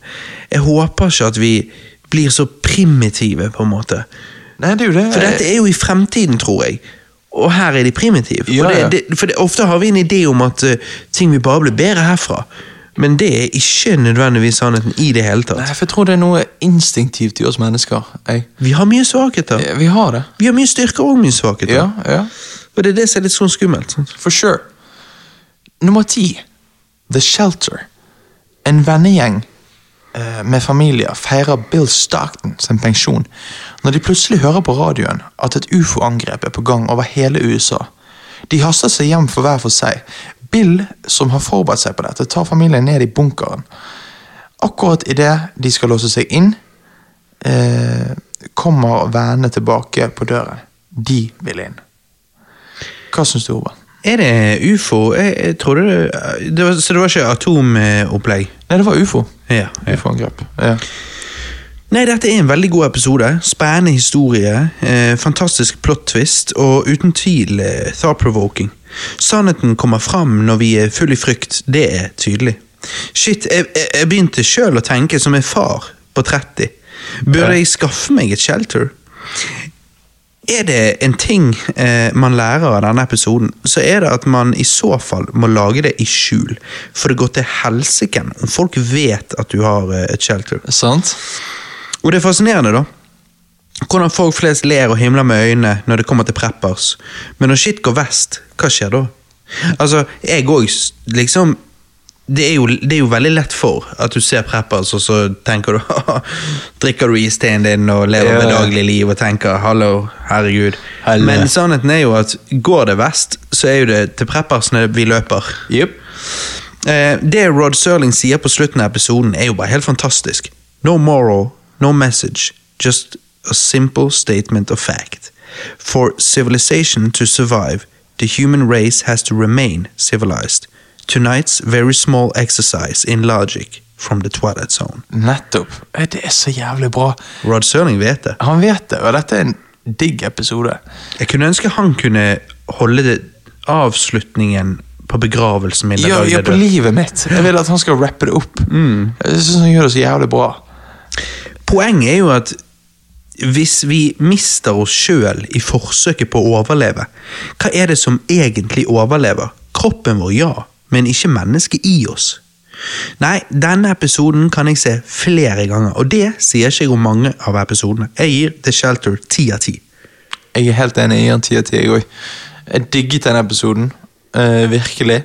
Og uh, det handler veldig mye om liksom uh, På en måte ironien i episoden. Sant? det er så mye ironi her, og det liker jeg. Sant? Fordi at de vil jo inn, sant? Og, og, og, og de liksom bruker all, all sin makt på å prøve å, å, å nå inn. Og eh, jeg, jeg vil at vi ikke skal spoile denne episoden, sånn at folk liksom kan virkelig sette pris på denne, for denne er såpass bra. Absolutt. Uh, så ja, bare, bare, bare se denne, for denne er eh, thought-provoking. Ja, Uh, bør man ha et shelter? For sure. Egentlig. Egentlig. Egentlig. Egentlig. Så, så bør man ha det. Ja, og ikke bare Dere ikke har bare- jo egentlig mulighet til det. Ja, men ikke bare det. Um, for der har jeg ikke nok peiling, der måtte jeg gjort research for å finne ut først. Men ikke bare bør du kanskje ha et shelter, men det shelteret burde Altså, det burde nok vært veldig langt under bakken, med veldig bra elektrisitetssystem, vannsystem, uten tvil øh, oksygensystem. Altså, Ja, for du det vil ikke har det for langt under bakken, for da, da blir det vanskelig for oksygen å komme inn. Det er det. det, er det. Så det er liksom noe med mm, Du burde kanskje hatt det i en fjellside, Ja. sånn at det er langt ned, men det er ikke langt ut på siden. Nei, nei, Skjønner du? Ja, ja, ja. Og på den måten så er han skjult, sant? Um, Mm. Samtidig så, så, så det eneste Ja. Nei, jeg vet ikke. Det er, og det kommer an på hva det er du prøver å beskytte deg for. Uh, hvis du prøver å beskytte deg for atombomber, så vil du langt ned. Men, men da vet jeg, jeg vet ikke hvordan det er med ehm, om det går an å lage noen systemer som ville tålt, som ville filtrert oksygen, sånn at den ble ren til deg. Ehm, Men, men uansett, det er en interessant tanke, og, og det å dagdrømme litt på hvordan og hvor du ville lagd et shelter, er interessant. Ehm, Altså- fordi at eh, men, men så igjen, altså hva vil du, hvor mye vil du overleve? Det er vanskelig, vanskelige spørsmål å svare på, for det kommer veldig an på. Man har jo lyst til å overleve et all casts, vil man ikke? Ja, altså, men, ja, men vil du overleve der at um Altså, jeg vil jo ikke, altså Hvis det er atombombe og det er stråling over fuckings alt, så vil jo ikke jeg overleve. Det er det. Men hvis mesteparten av folk forsvant, men det var ikke nødvendigvis stråling som gjorde at du, du ikke kunne vandre på overflaten ti år seinere Nei, jeg vet ikke. Det, det, det, det er mye å tenke på. Men eh, jeg vil overleve, og jeg vil Min datter skal overleve, men eh, Men ikke til hvilken som helst pris. Så det kommer an på. Ja, ja, nettopp. Men eh, sånn personlig, hvis jeg skulle hatt et shelter, så hadde jeg kanskje, sånn, siden vi bor med kysten, sånn, så hadde jeg eh, gått ut på en av de ytterste øyene. Eh, Sant? Fordi at en atombombe hadde jo naturligvis truffet Bergen, sant? Eh, altså by. Um, og, Ja, atombombe hadde nok sikkert bare truffet det meste. Ja, jeg vet ikke hva radiusen er på en atombombe, men Den er jo massiv. ja, men, eh, men jeg- på andre bomber er jo noe annet. Ja, men jeg tror hadde man Ja, ja. ja, ja. Men, men, men sant, hatt en hytte på en av de ytterste øyene og bare fylt den opp med mat. Og, og, og hatt ved, sant? sånn at du, du er ikke reliant på et, øhm, på eh, strøm sant, heller. Så det er, man må liksom tenke litt sånn fram. Så du, du ser jo bare det blir strømbrudd, sant? Eh, så blir jo man helt hjelpeløs. Sant? Ja, Altså, eller når korona kom og folk friket ut. Ja, ja. Det som er interessant, det er bare eh, altså det jeg med en gang tenker jeg hadde hatt lyst til. Det er jo så å rape. altså, det, det er veldig digg. Mm. Spesielt når det, når det er en atombombe på vei. Ja, fordi at da, da tenker du mer på rapen enn bomben. Nei, men det jeg spesielt eh, eh, på en måte først har, har lyst til etter så denne episoden, var bare Jeg hadde sykt lyst å snakke med den sykeste prepperen av alle preppers. Bare for å spørre han Ja. om de basic spørsmålene der med liksom Hvis jeg lager et shelter 100 meter under bakken, hvordan dealer jeg med oksygen? Altså, Og du må ha det sykeste ventilasjonssystemet. Ja, men i tillegg så har jeg da lyst til å spørre Og hvordan dealer jeg med oksygen hvis oksygen er forgiftet der oppe? Så Ja. og, og, sant, Hvor sinnssyke filtreringssystem trenger du, og er dette mulig å opprettholde over lengre tid? Sant? Så det er sånne ting. fordi at hvis, hvis det der prepper-greiene Hvis du møter visse sånne vegger eh, eller hindre på den måten der, så føler jeg at hele preppers-greiene er bygget veldig på øh, en sånn eh, Altså, for det, å, det å overleve en atomkrig er jo liksom én ting. Men Ja. det, det å skulle deale med, jeg vet ikke, en mindre krig, vanlig krig Nei, jeg vet ikke. jeg vet ikke. Altså, Det å overleve en eh, Se for deg en pandemi som er enda verre enn korona. da. Så er det bare sånn at liksom, det handler virkelig om å bare gjemme seg vekk og bare Ja. Ehm, så er jo det noe du kan gjøre i et shelter. Men, men hvor, hvor uh, fysisk mulig er det å beskytte seg fra en legit atomkrig? Det, det vet jeg ikke. Nei, det, det tror jeg blir veldig vanskelig. Det er det. Så det hadde bare vært interessant å intervjue til den sykeste prepperen her. liksom. Ja, ja. Eh, for, bare, for bare spørre, på samme måte som folk spør Elon Musk hvordan er det realistisk å se for seg kolonier på Mars i løpet av de neste hundre årene, Ja. så jeg lyst til å spørre en prepper så liksom ja, du, hvordan er, det, hvordan er det realistisk å overleve en atomkrig? Og hvis han da, En seriøs prepper, hvis han da sa liksom at, nei, atomkrig er urealistisk å beskytte seg for, så er Ja. sånn å ja, ok, men Ja, ikke da trenger ikke vi tenke på det. Da må man tenke på andre ting du må beskytte deg for. i så fall. Ja, Du bare drar bort til en eller annen doomsday prepper borti Alabama. Ja, så Ja, liksom, Det er sikkert noen der som har peiling. Ja, ja, uten tvil. Så har liksom bruker livet sitt på å forberede seg. Og så skjer det ingenting. Altså, ja, ja, Det er jo derfor, er er. derfor vi ler. Ja, Og så- Men så ler vi helt til det skjer noe. Og så er det vi som ser dumme altså. De går fra the fools til the fucking gods. Altså, det, det er bare en bombe som skal til. Det er det. Ja, og du kan si det sånn Tredje verdenskrig skjer en eller annen gang.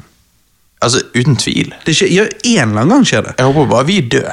Ja. Ja, ja. Jeg håper, eh, jeg håper verden ser annerledes ut. For en tredje verdenskrig i dag tror jeg ville vært forferdelig. Det tror jeg også. Eh, så jeg håper bare at eh, det skjer eh, tusen år frem i tid når verden ser annerledes ut. Og, ja. Men who knows? Who knows? Mm. You know? Nummer ni. It's a good life. Seksåringen Anthony Fremont har fått verden til å forsvinne. Alt som er igjen, er den lille byen Peaksville. Innbyggerne må eh, gjøre alt de kan for å få han til å like dem. Ellers forviser han de til eh, kornåkeren. Anthony kan forvandle de til hva han vil, og har total makt over alle. Dette skaper en ekstremt spent stemning. Robert? Mm. Ideen her er jo hva hvis et bortskjemt og motbydelig barn plutselig ble Gud? Mm. Og jeg vet, det er jo sånn Gud alltid er avbildet. Hvis du leser Bibelen, ser du at Gud oppfører seg som et barn. Og vi vet jo alle at mormonere tvinger seg sjøl til å tenke happy thoughts, akkurat som de voksne i denne episoden her. Dette er en episode man blir anspent av, det er sikkert og visst. Om episoden er ment som religionskritikk, eller ikke, eh, jeg vet ikke, men om han er det, så er det en smart måte de har gjort det på her, siden åpenlys religionskritikk alltid, eh, nei, aldri ville vært akseptert på TV på den tiden der.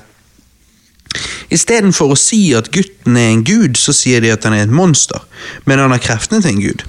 Så ja, dette er et kult konsept sånn sett, men med det sagt, jeg syns episoden er litt overrated. Han er treig, vi blir fortalt mye, men eh, det skjer ikke så altfor mye on screen.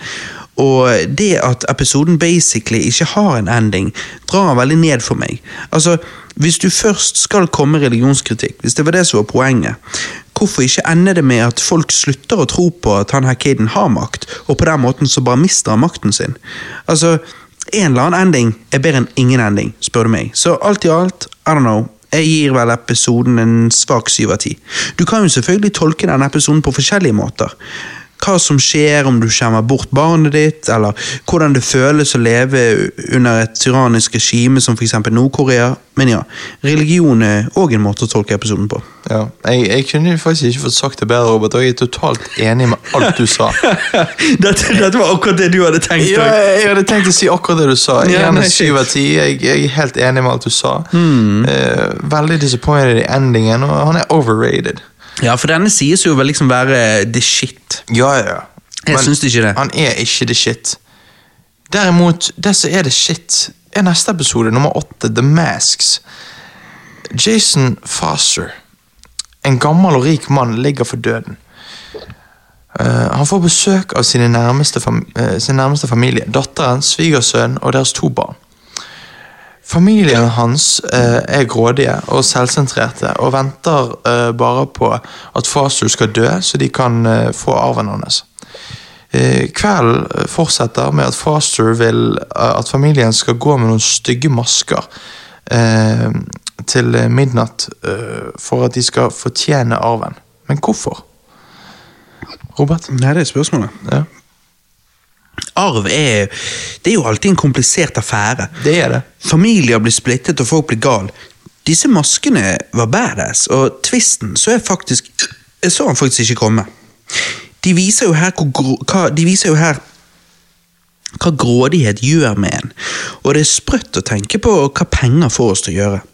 Dette er en utrolig god og underholdende episode. Jeg gir The Masks en solid åt- åtte av ti. Ok, jeg er helt enig. Jeg, jeg, synes dette har en veldig sånn god uh, message. Sant? Det er det at, uh, at um, du, du Det du er på innsiden, uh, er det som teller. Sant? Og, og, og, og det er så rart, for det, dette er jo en av de siste episodene i serien. Det, det er jo Ja. sesong fem, episode 25, sant? og så plutselig bare hitter de det med den gode episoden. Uh, jeg gir den en ni av ti. Jeg er veldig, veldig jeg ser denne her. Selv om twisten ikke er sånn, selv om man kan se twisten komme, på en måte. Jeg gjorde ikke det. Okay. Eller jeg bare trodde ikke de gikk så langt med det. Nei, nettopp. nettopp. Eh, men eh, jeg på en måte følte det på meg, da. Uh, og uh, jeg synes det, den, som, den som stjeler showet, er han gamle mannen. For han, er sarkasme når han snakker til de og om de, er jævlig bra. Men jeg skulle gjerne hatt den masken hans. Ja, ja den var litt fett. Ultimate halloween-masken. Han er jo det. sant? Dødninghode. Episode 7. Will the real Martian Please stand up. Please stand up. Will the real Please stand up. please Please stand stand up. up. Um, et fartøy krasjlander fra himmelen ned i en innsjø. Lokalpolitiet etterforsker stedet og ser etter fotspor eh, som leder opp til eh, en motorvei-diner. Der inne sitter syv busspassasjerer, én bussjåfør og én serverer. Bussjåføren husker eh, at det bare var seks passasjerer på bussen. Hvem er Marsboeren?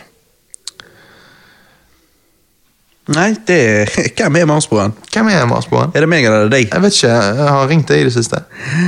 Jeg føler sånne alien-episoder som dette var mer underholdende på tidlig 60-tallet enn de er for oss i dag. I dag kan de bli litt cheesy, men det var jo en artig episode. Spesielt de her episoden har en dobbelttvist. Det, det kan ikke huske noen andre Twilight-episoder har. Nope. Og selve atmosfæren er on point. Jeg gir han syv av ti. Ok, ok. Interessant. Her er vi uenige. Jeg, Opp eller ned? jeg gir denne ti av ti.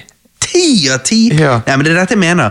Du, du og Twilight Zone, eller kanskje bare du i det hele tatt, det vet ikke jeg, enkleste er ofte det beste. Det er liksom, for det, dette her er jo enkelt. Dette her føler jeg er sånn Ja, men jeg liker hvis, det enkelt. Hvis jeg skal vise en Twilight Zone-episode til en kid, så viser jeg han denne. Ja, men jeg bare syns det er så mange gøye karakterer. Altså Sånn sånn som han der gamle mannen med de der crazy øynene. Sånn. Ja. Han er jævlig vittig. Eh, og så har jo du liksom at alle er suspicious på hverandre. sant? Og, og jeg så ikke slutten komme.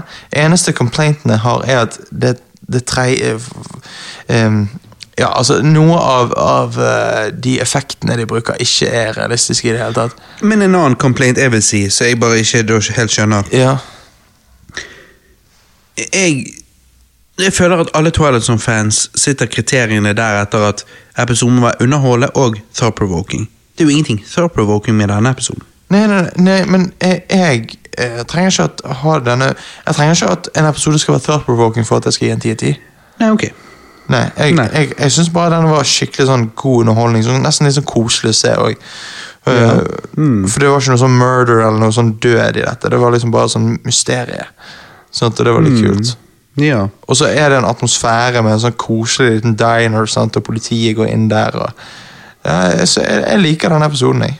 Ja, jeg bare For jeg trenger heller ikke sånn at det må være sånn At det må være noe politisk som slår deg over hodet. Nei. Men eh, jeg setter pris på om det er da på en måte en eh, litt mer diskré greie. Ta for eksempel Game of Pool eller Long Live Walter Jameson, som er episoder som De underholder nok i seg sjøl, men de har òg et, et annet lag. Sant? Ok, men, men, men klarer ikke du å like det bare men, men, men det bare purely skal bare entertain you? Jo, men da ender det opp med litt sånn syv-åtte. Eh, Ok, eh, ok. Fordi at eh, liksom det andre laget der som da mangler, trekker det ned. Mens når det er der, hvis episoden er underholdende uh, i seg sjøl, sånn at la oss si du bare ikke er observant nok, da. La oss si du er ung og altså en kid. Og du legger ikke merke til, eller tenker ikke så mye over liksom dybden her. Um, så er han underholdende, sant? Ja. Men hvis han i tillegg for voksne har et dypere lag, så er det bare sånn Ja, da hever det det ekstra opp, da. Ok, så, så, så det du sier er at siden denne episoden ikke hadde noe sånn eh, Ekstra. Ja, ekstra, og purely bare skulle underholde deg, så hadde denne episoden ingen sjanse til å få deg til å gi en 10 av 10. Ja, nei, nei, nei. nei. Eh, Ok, men der, der er vi bare forskjellige, da. Fordi at, ja, da ser vi på det forskjellig. Men u, u, u, uten... vi ser det begge på TV, da, med øynene. Nei, ja, men Vi ser ser på det ganske likt. Uten tvil en underholdende episode. Eh, ja, ja, ikke maks underholdende. Jeg har sett mer underhold. Altså. Altså, ja. altså den der uh, Shun Arrow Up in the Sky sitter jeg høyere enn den, liksom. Og det òg Hmm. er jo relativt uh, Jo, det òg er jo bare egentlig underholdet. Den ja, den er jo bare underholdet. Uh, men han på en måte sjokkerer meg mer, da. Mens eh, slutten på denne her er litt sånn ja -hmm. ja. Cheesy. Eh, jeg syns det, det er gøy. Ja. Um, nummer seks. Living Doll. Chucky. Ja. Mm. Eh, eller skal vi si Tak i Tina. Eh, Ja. En mor og en datter kommer hjem en dag med dukken Tak i Tina. Eh, stefaren Er det du som har stemmen til den dukken? Ja, sant det høres jævlig bra ut. Eh, stefaren i huset, Eric, eh, er ikke særlig fornøyd, eh, og spør bare eh, hvor mye eh, dukken kostet, i stedet for å være glad eh, på stedatteren sine vegne. Tak i Tina går da fra å si 'My name is Tak Tina, and I love you very much', til 'My name is Tak Tina, and I don't think I like you'. Eric ser på Tina uh, som en stor trussel og prøver å bli kvitt henne. Det gjør han. Han her stefaren um... I'm not your daddy. Ja, han er jo eh, Han er jo overdreven drit. Altså, for en fyr. Ja. Nesten litt urealistisk eh, karakter. På den måten at liksom, Hvorfor i helvete er hun her damen sammen med han i det hele tatt? Anyways, dette er jo lenge før Chucky og andre skrekkdukkefilmer. Ja. Um, og jeg vil anta at de er alle inspirert av denne Twilight Zone-episoden. Jeg er ikke noen særlig fan av dukkeskrekk, men dette er en god episode. Seriens sjette beste? Absolutt ikke. Ikke etter min mening. Jeg savner en eller annen typisk twist på slutten, men hei, det var en interessant episode nonetheless. Åtte av ti. Ok. jeg merker bare at jeg har et svakt hjerte for denne serien, så jeg har jo gitt denne ti av ti. jeg. Føler du har et svakt hjerte for de enkle episodene. Nei, fordi at eh, Ja, men jeg liker simplicity når det er gjort bra.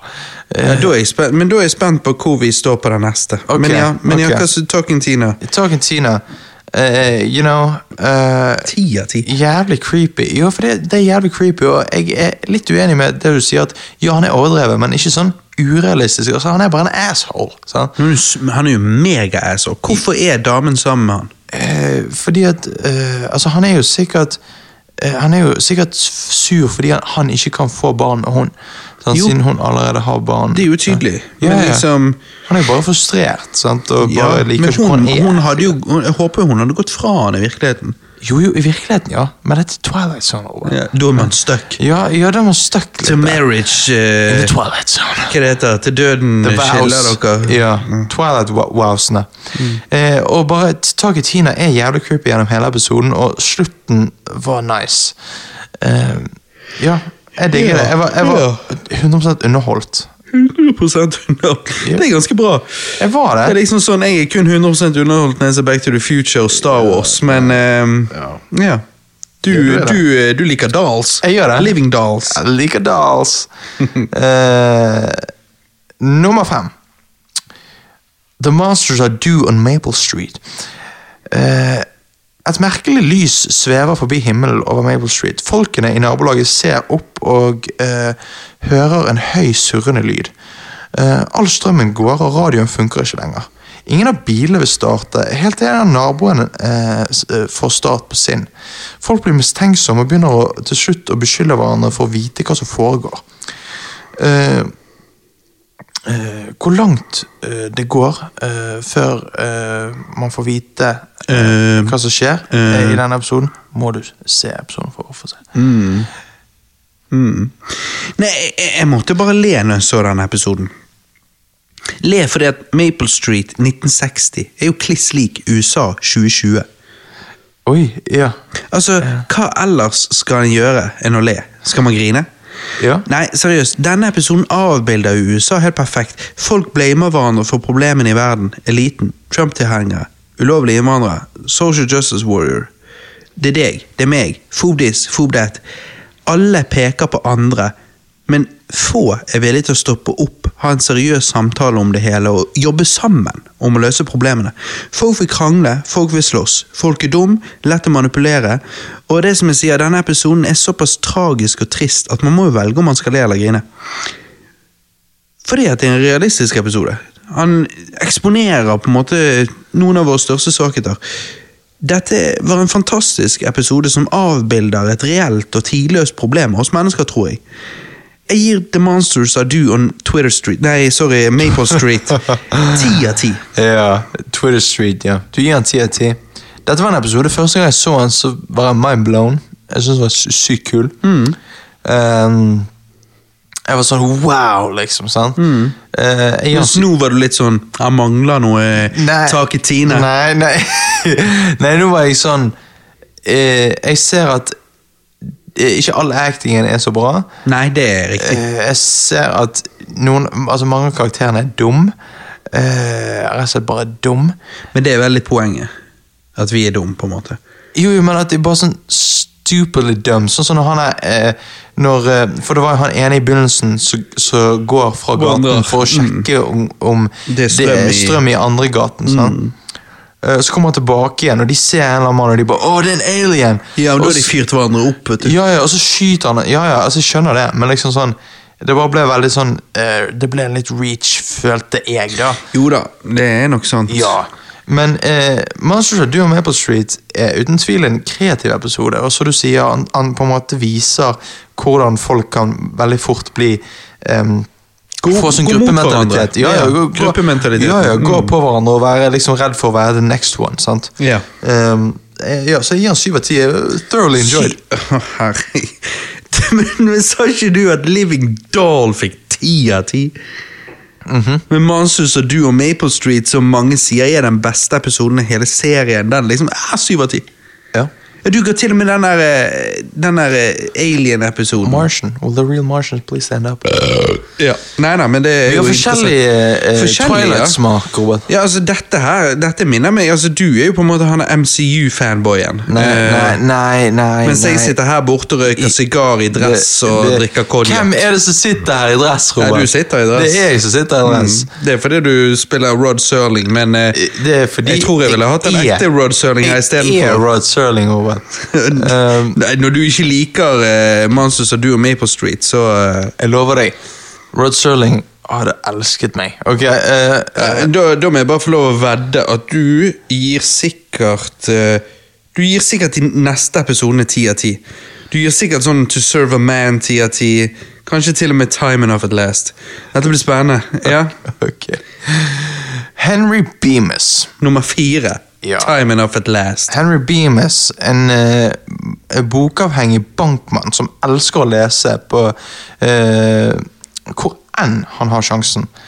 Eh, men verken sjefen eller kona hans liker lesingen hans og tvinger eh, vekk vanene hans på en lite hensynsfull måte. En dag sniker Henry seg i bankhvelvet for å lese.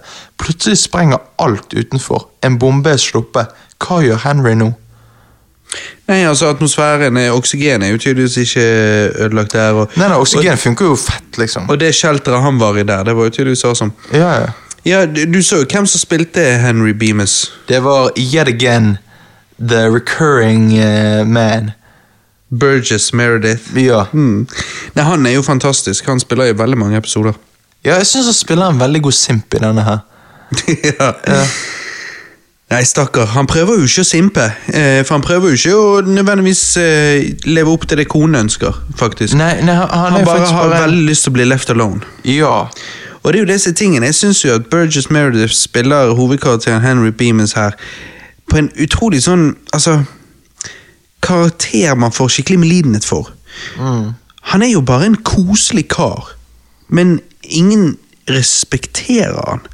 Burgess Meredith er en fantastisk skuespiller, og han er med i veldig mange gode Twilight Zone-episoder, som sagt. Etter at bomben gikk av og verden endte, så syns jeg episoden ble ganske treig, og slutten er jo bare tragisk, men dette er likevel en god episode, en fin introduksjonsepisode hvis du skal vise serien til noen. Altså, alle de 8-9-10 første episodene i serien er egentlig gode introduksjonsepisoder. Time Enough at Last er underholdende, men har ikke noe særlig dypere mening enn det. I så fall mener jeg du må leite veldig etter han. For å være en av de episodene som ikke gir en så mye mer enn underholdning, så er dette en av de bedre, syns jeg. Og jeg gir jo derfor denne episoden åtte av ti, og vil anta Johannes gir han ti av ti. Siden det er underholdende, og det er det. Der tok du feil, Robert. Jeg har òg gitt denne episoden åtte av ti. For jeg er helt enig med at episoden ble veldig treig etter bombene sluppet. Uh, Og men- mangler litt Living Dolls. Jeg, jeg, syns taket Tina skulle poppet opp her og der. Eh, nei, uh, jeg uh, syns at han spiller veldig bra, men så samtidig òg Henry Beaman som karakter Jeg hadde jo blitt irritert jeg også, hvis jeg sto i banken, og de som sitter i skranken, bare plutselig begynte å snakke til meg om en bok de leste. Sånn.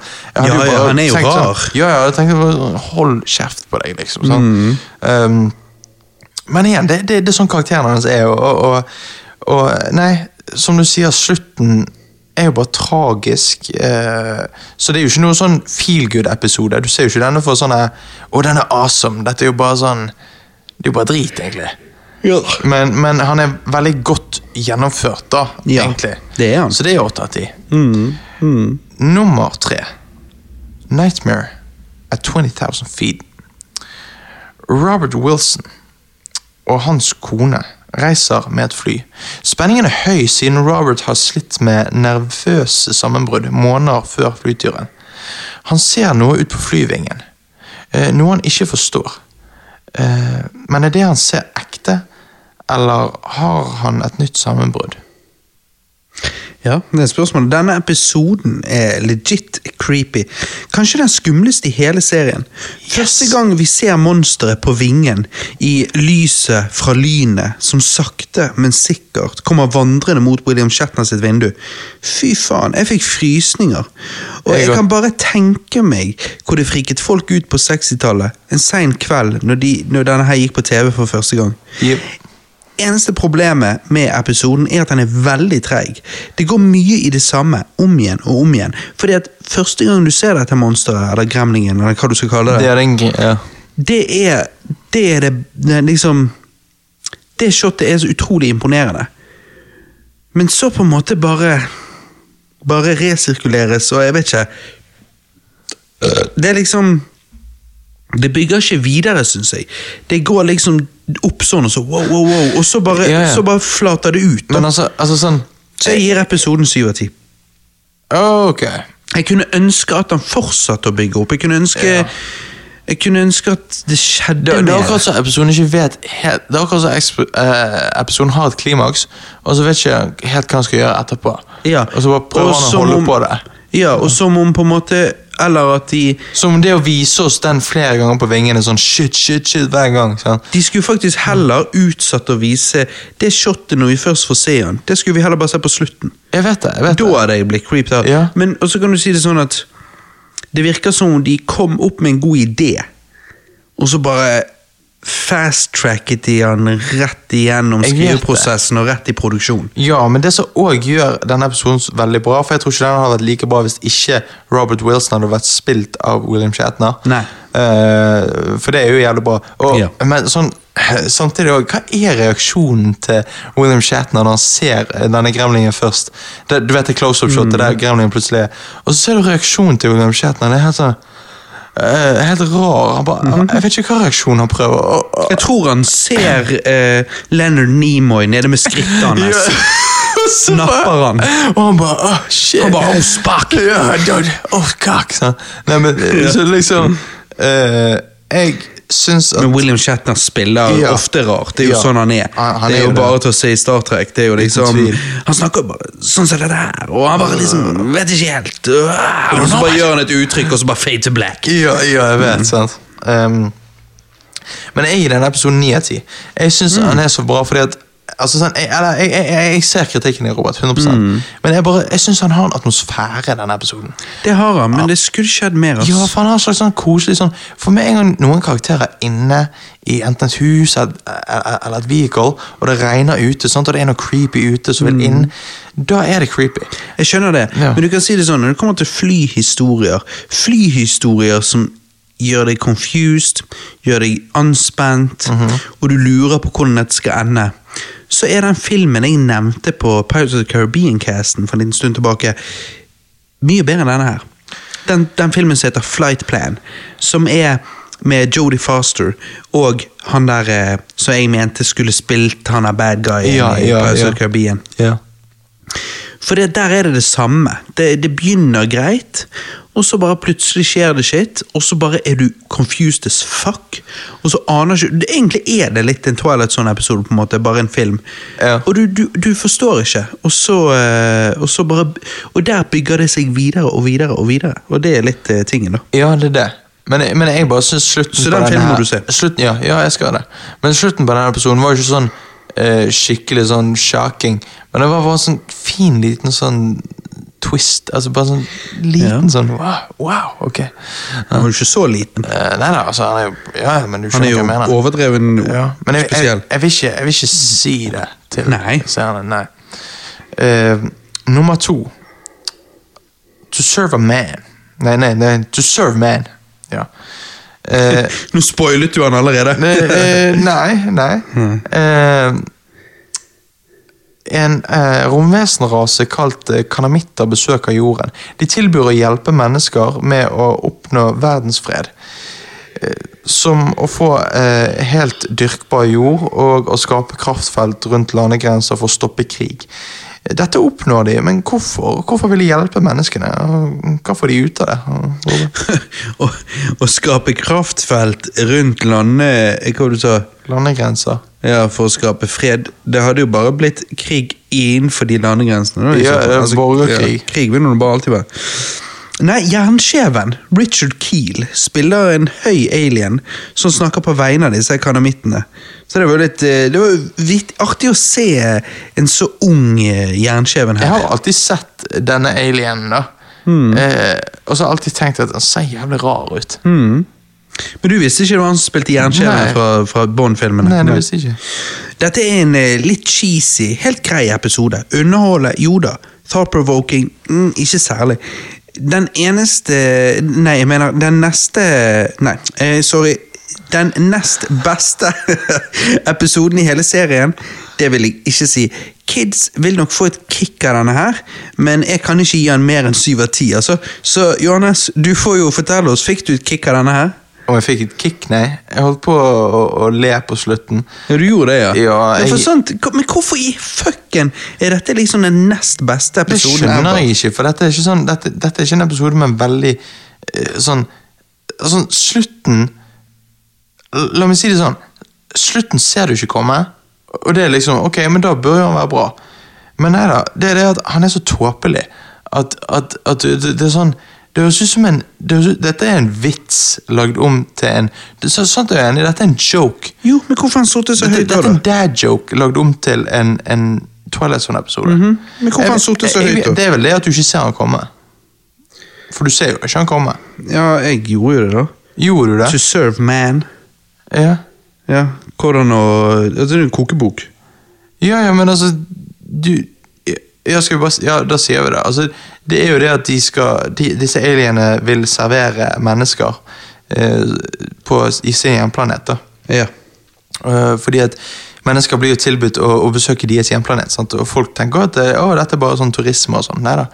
Ehm, det, de, de skal virkelig eh, ja, servere dem. Jeg bare, sånn, jeg bare så det på slutten og bare tenkte nei, vet du hva, seks av ti. Eh, denne episoden er ikke bra. Eh, jo, altså han er eh, ok pluss, men eh, Jeg to, tror- nummer jeg- to i hele serien pff, Nei, det er ikke. Bullshit. Men jeg tror kids liker han. Ja, for the kids så er jo det liksom sånn enkelt. Nå er vi kommet til slutten. Huh. Nummer én, Johannes. Oh yes, Eye of the Beholder. Janet Tyler, en kvinne som har undergått sin ellevte ansiktsoperasjon. Ikke fordi hun vil bli penere, men fordi hun vil bli normal. Du skjønner, Janet er tydeligvis så stygg at hun har bandasjer rundt hele hodet sitt. Hun skremmer folk. Hvordan har operasjonen gått? Problemet mitt med denne episoden er at det er så utrolig tydelig hva tvisten kommer til å være, siden vi aldri får se fjeset til legene og sykepleierne. Noe som derfor gjør at episoden blir veldig langtekkelig.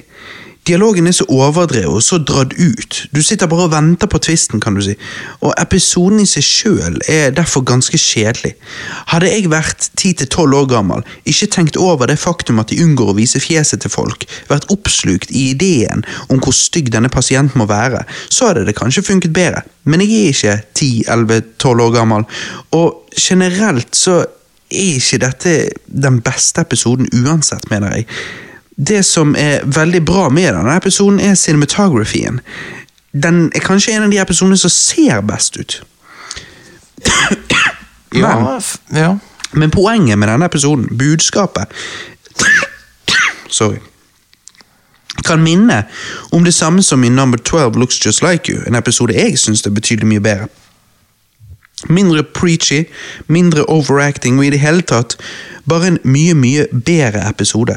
Se heller den enn denne her, for dette er på ingen måte den beste episoden i serien, eh, vil jeg si, da. Jeg gir Eye of the Beholder seks av ti. Nei, nei. Robert. Syns du denne episoden er preachy? Ja, altså, ja. Hvor, på, på, hvilken- på hvilken måte? Endingen, eh, alt jabbet rundt dette her. Ja, men hva er preachy med det? At liksom, åh, åh, at hun er jo Ja, ja, hun er så hun er jo, da, da, da. Altså, Ja. ja. Ja, det syns jeg kom, av, kom off veldig preachy. Pluss at, Men det verste er det at vi vet jo hva tvisten er fra første minutt. ja for, for, for nå Og så nå, drar nå, de det ut. Nå er vel lytteren litt confused, at, skal vi bare forklare på en måte plottet? Ja, men Jeg har jo basically gjort det. De viser ikke fjeset til noen. Så er hun her stygg, hun under badasjen. Dun, dun, dun. Nei, hun er jo nydelig. Ja. Mens alle legene og alle de, de som er stygg. Så hun lever i en verden der hun ses på som stygg. Og da er det liksom sånn at beauty is in the eye of the boulder. Men, men, men kan jeg si Men at, at han- jeg er helt enig med deg, Robert? Ja, hva er det da, da? Jo, men det, men det er det jeg det er det som er så dumt, fordi jeg har alltid tenkt at denne personen er fucking amazing. Men så så, så jeg han igjen, og så tenkte jeg Hæ? Hvorfor så jeg aldri dette første gang jeg så episoden? Nei, sant? Fordi at de viser aldri eh, de, det, det er akkurat sånn at det, For det er, et kult, det er en kul idé. Ja. Men, men det, det som er problemet, er at de kan ikke lage en episode ut av det. Fordi at det er på ingen måte de kan gjøre det uten å vise på en måte hva plot Det er det de prøver å bygge opp til. Ja. Og Derfor hadde jeg forventet dette av en eller annen sånn studentkortfilm. Ja. Men eh, som en Twilight Zone-episode, du skjønner hvor han skal, og det blir altfor obvious.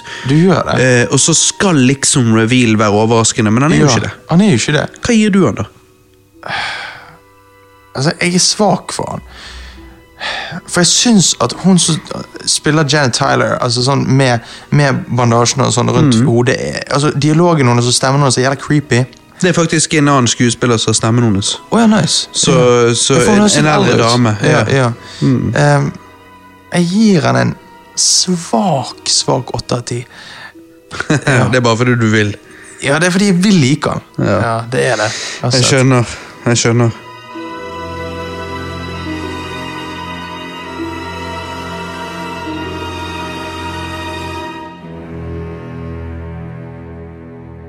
Ja, Robert. Vi, eh, vi har kommet til the end of the road. Det har vi. Ehm, og nå er jo spørsmålet hva, Vi har jo gått gjennom altså, IMDb sin topp fem. Nei, nei, nei topp 25. Eh, men, men, men hva er vår topp fem, Robert? Altså vår personlige skreddersydde topp fem? Nå må vi begynne nederst, da. Ja, Ja. nummer fem. Jeg, ja, nummer fem. Jeg har en honorable mention, for den er liksom Denne kniver med nummer fem. Ok. Det er jo da The Big Tall Wish. Ja. Den kniver med nummer fem, men den som er nummer fem for meg, er A Stop at Willoughby. Ja, nettopp, ja. ja. Uh, min nummer uh, fem er eh, Where is Everybody? Ja, shit. Ja. Min nummer fire er Long Live Walter Jameson. ja. Og min nummer fire er Walking Distance. Mm, mm. Min nummer tre er The Monsters Are Due on Maple Street. Ja, det, den, den, den så jeg komme. Ja. Eh, og eh, min nummer tre er A Stop at Willoughby. Mm. Min nummer to er The Shelter. Ja. Og eh, min nummer to er eh, faktisk det, det er en toss-up, men jeg, jeg, må, jeg må vel si The Masks. Mm, mm. Og min nummer én vet jo vi er Number 12 Looks Just Like You. Ja. Det er jo Twilight Zone, møter Star Trek, møter Robert og Ja, high fiver. det- det er det. Med Klingon-hilsen. For meg slappen rett der, liksom. Ja. Her er Min nummer én, da. Jeg kommer sikkert til å surprise deg litt. Men uh, det er Living Doll. Men det er interessant, det, andre, For det er den andre episode. Det er den mest skrekkfilme. Ja. Skrekkfilme. Skrekkfilmete, uh, ja, Ja. episoden. Um, men det er andre episoder du har gitt ti av ti som ikke kommer på topp fem, mener jeg. Ja, Ja, det var litt interesting. så jeg syns bare de er lenger bak i topp ti, altså av ti av ti-listen. Ja, for, å ja, for alle de du har gitt her, er ti av ti. Ga du ut veldig mange ti av ti, kanskje? Ja, jeg gjorde det. Oh, ja. Så The Silence og uh, Will the Real, Martian Please Stand Up, de, de kommer bak Mm. det eh, igjen. Sammen med Diggity. Så du du har ikke Eh, Jeg, jeg får nesten lyst til å putte Nightmare 20,000 Feet inn. Ja, for det er skrekk. Men det er fordi Ja, jeg vet det, men, Men, men så du Vent Men litt La meg bare refreshe. Så du har ikke The Shelter på topp fem? Nei. Du har ikke The Monsters av du og Maple Street? The shelter har jeg glemt. Uh, jeg tror jeg må faktisk bytte ut uh, Jeg bytter faktisk ut Where is everybody med, med The Shelter. På, på nummer fem. Ja. Og du har ikke Long Live Walter Jameson? Nei. Og, ja. Nei. Nei, interesting. Det er Det som er vittig når man ser eh, Twilight Zone ja, ja, ja, hadde vi egentlig noe likt på, på topp fem vår? eh, Vi hadde jo A Stop at Willoughby begge to. Ja, nettopp. Men det som er vittig når man ser Twilight Zone, er at man ser så mange kjente fjes fra den originale Star Trek-serien. Alt fra store til små skuespillere. På mange måter syns jeg at eh, Twilight Zone og eh, den originale Star Trek-serien er serier i samme gate, hvis du skjønner hva jeg mener. Liker du den ene, liker du som oftest den andre, og jeg elsker begge. Vi skal faktisk ta opp en lignende cast som dette, men om Star Trek til høsten, så stay tuned for det. Og så tenker jo jeg at eh, en eller annen gang må vi sjekke ut et litt lignende show til eh, Twilight Zone som heter Outer Limits. Shit, jeg kunne kjørt IMDb sin topp 10 eller topp 20 på mange serier, men eh, det jeg har mest lyst til en dag ehm, annet enn å kjøre Star Trek-cast, er å ta en Airy Indiana-cast der vi anmelder alle episodene. Ja, alle 19 episodene. Hæ? Mhm. Hvor digg hadde ikke det vært? Det hadde vært helt konge. For nesten alt er jo gull. Mhm. Det er Og det som ikke er gull, kan likevel snakkes om. Selvfølgelig. Nei, vi, det vi må ta og gjøre det. Mhm. Det må vi. Tid det blir, det vet jeg ikke, men det må bli en dag. Det må det. Jeg, jeg er helt down. Mm. Men uh, ja. Nei, det har vært eh, Det har vært en god cast, Robert. Jeg, tror- jeg tror Ja, eh, det har vært interesting. ja, Ups har, Ups and downs. Ja, vi har vært innom The Twilight Zone, og jeg eh, jeg, jeg har følt rare ting skje jeg, har- jeg har følt rare ting skje hele, hele tiden. ok. Nå leder, leder, leder dette opp til en Rod Serling plot twist. Ja, altså sånn uh, Jeg kødder jo bare.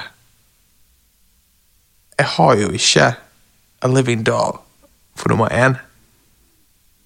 Okay. What a twist, sant? Ja, hva har du da? Nummer én? Så Living Doll er ikke på hele din topp fem? Du vet hva som er på min nummer én? nei, nå, nei, nå, nei, nå skjønner jeg. Men ok, så Living Doll er ikke på din topp fem engang? Nei. Å nei, Så hva er på din nummer én, da? The Shelter. Ja, ok. Ja, ja, ja. Jeg bare jeg, jeg lot den være Så Where Is Everybody er fremdeles der da? Ja da. Så Living Doll tok ikke den sin plass? Nei, engang? nei. Å nei, nei. Nei, det var en Talking, tween, talking Tina-twist. Det var, det var en Talking Tina-twist. Ja, det var det. Ja, ikke sant? Ja. Eh, min twist er jo at number 12, Where Is Every... Nei, number 12 looks just like you. jeg hater jo denne episoden. Shit, yes! Nei, kødda. Ja, ja. Nei, det gjør jeg ikke. Skulle ønske det var en twist. Twist, twisten er at jeg faktisk liker han på Ja, ekte. ja, du gjør det. Ja, ja, det er det er twisten min. Ja. Nei, men eh, med det sagt, Robert, Mm.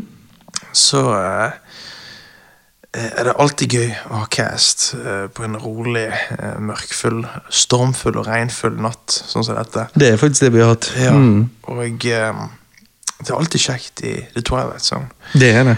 Dere kan finne oss på eh, Soundcloud og podkastappen podcastappen og Facebook eh, slash Rewind, Rewind Bros. Og jeg er Johananas, og jeg takker for meg. Ja, jeg er Rob Serling, og jeg takker for meg. Og eh, ja, jeg tror vi sier det sånn at uh, vi snakkes på andre siden. Bitches!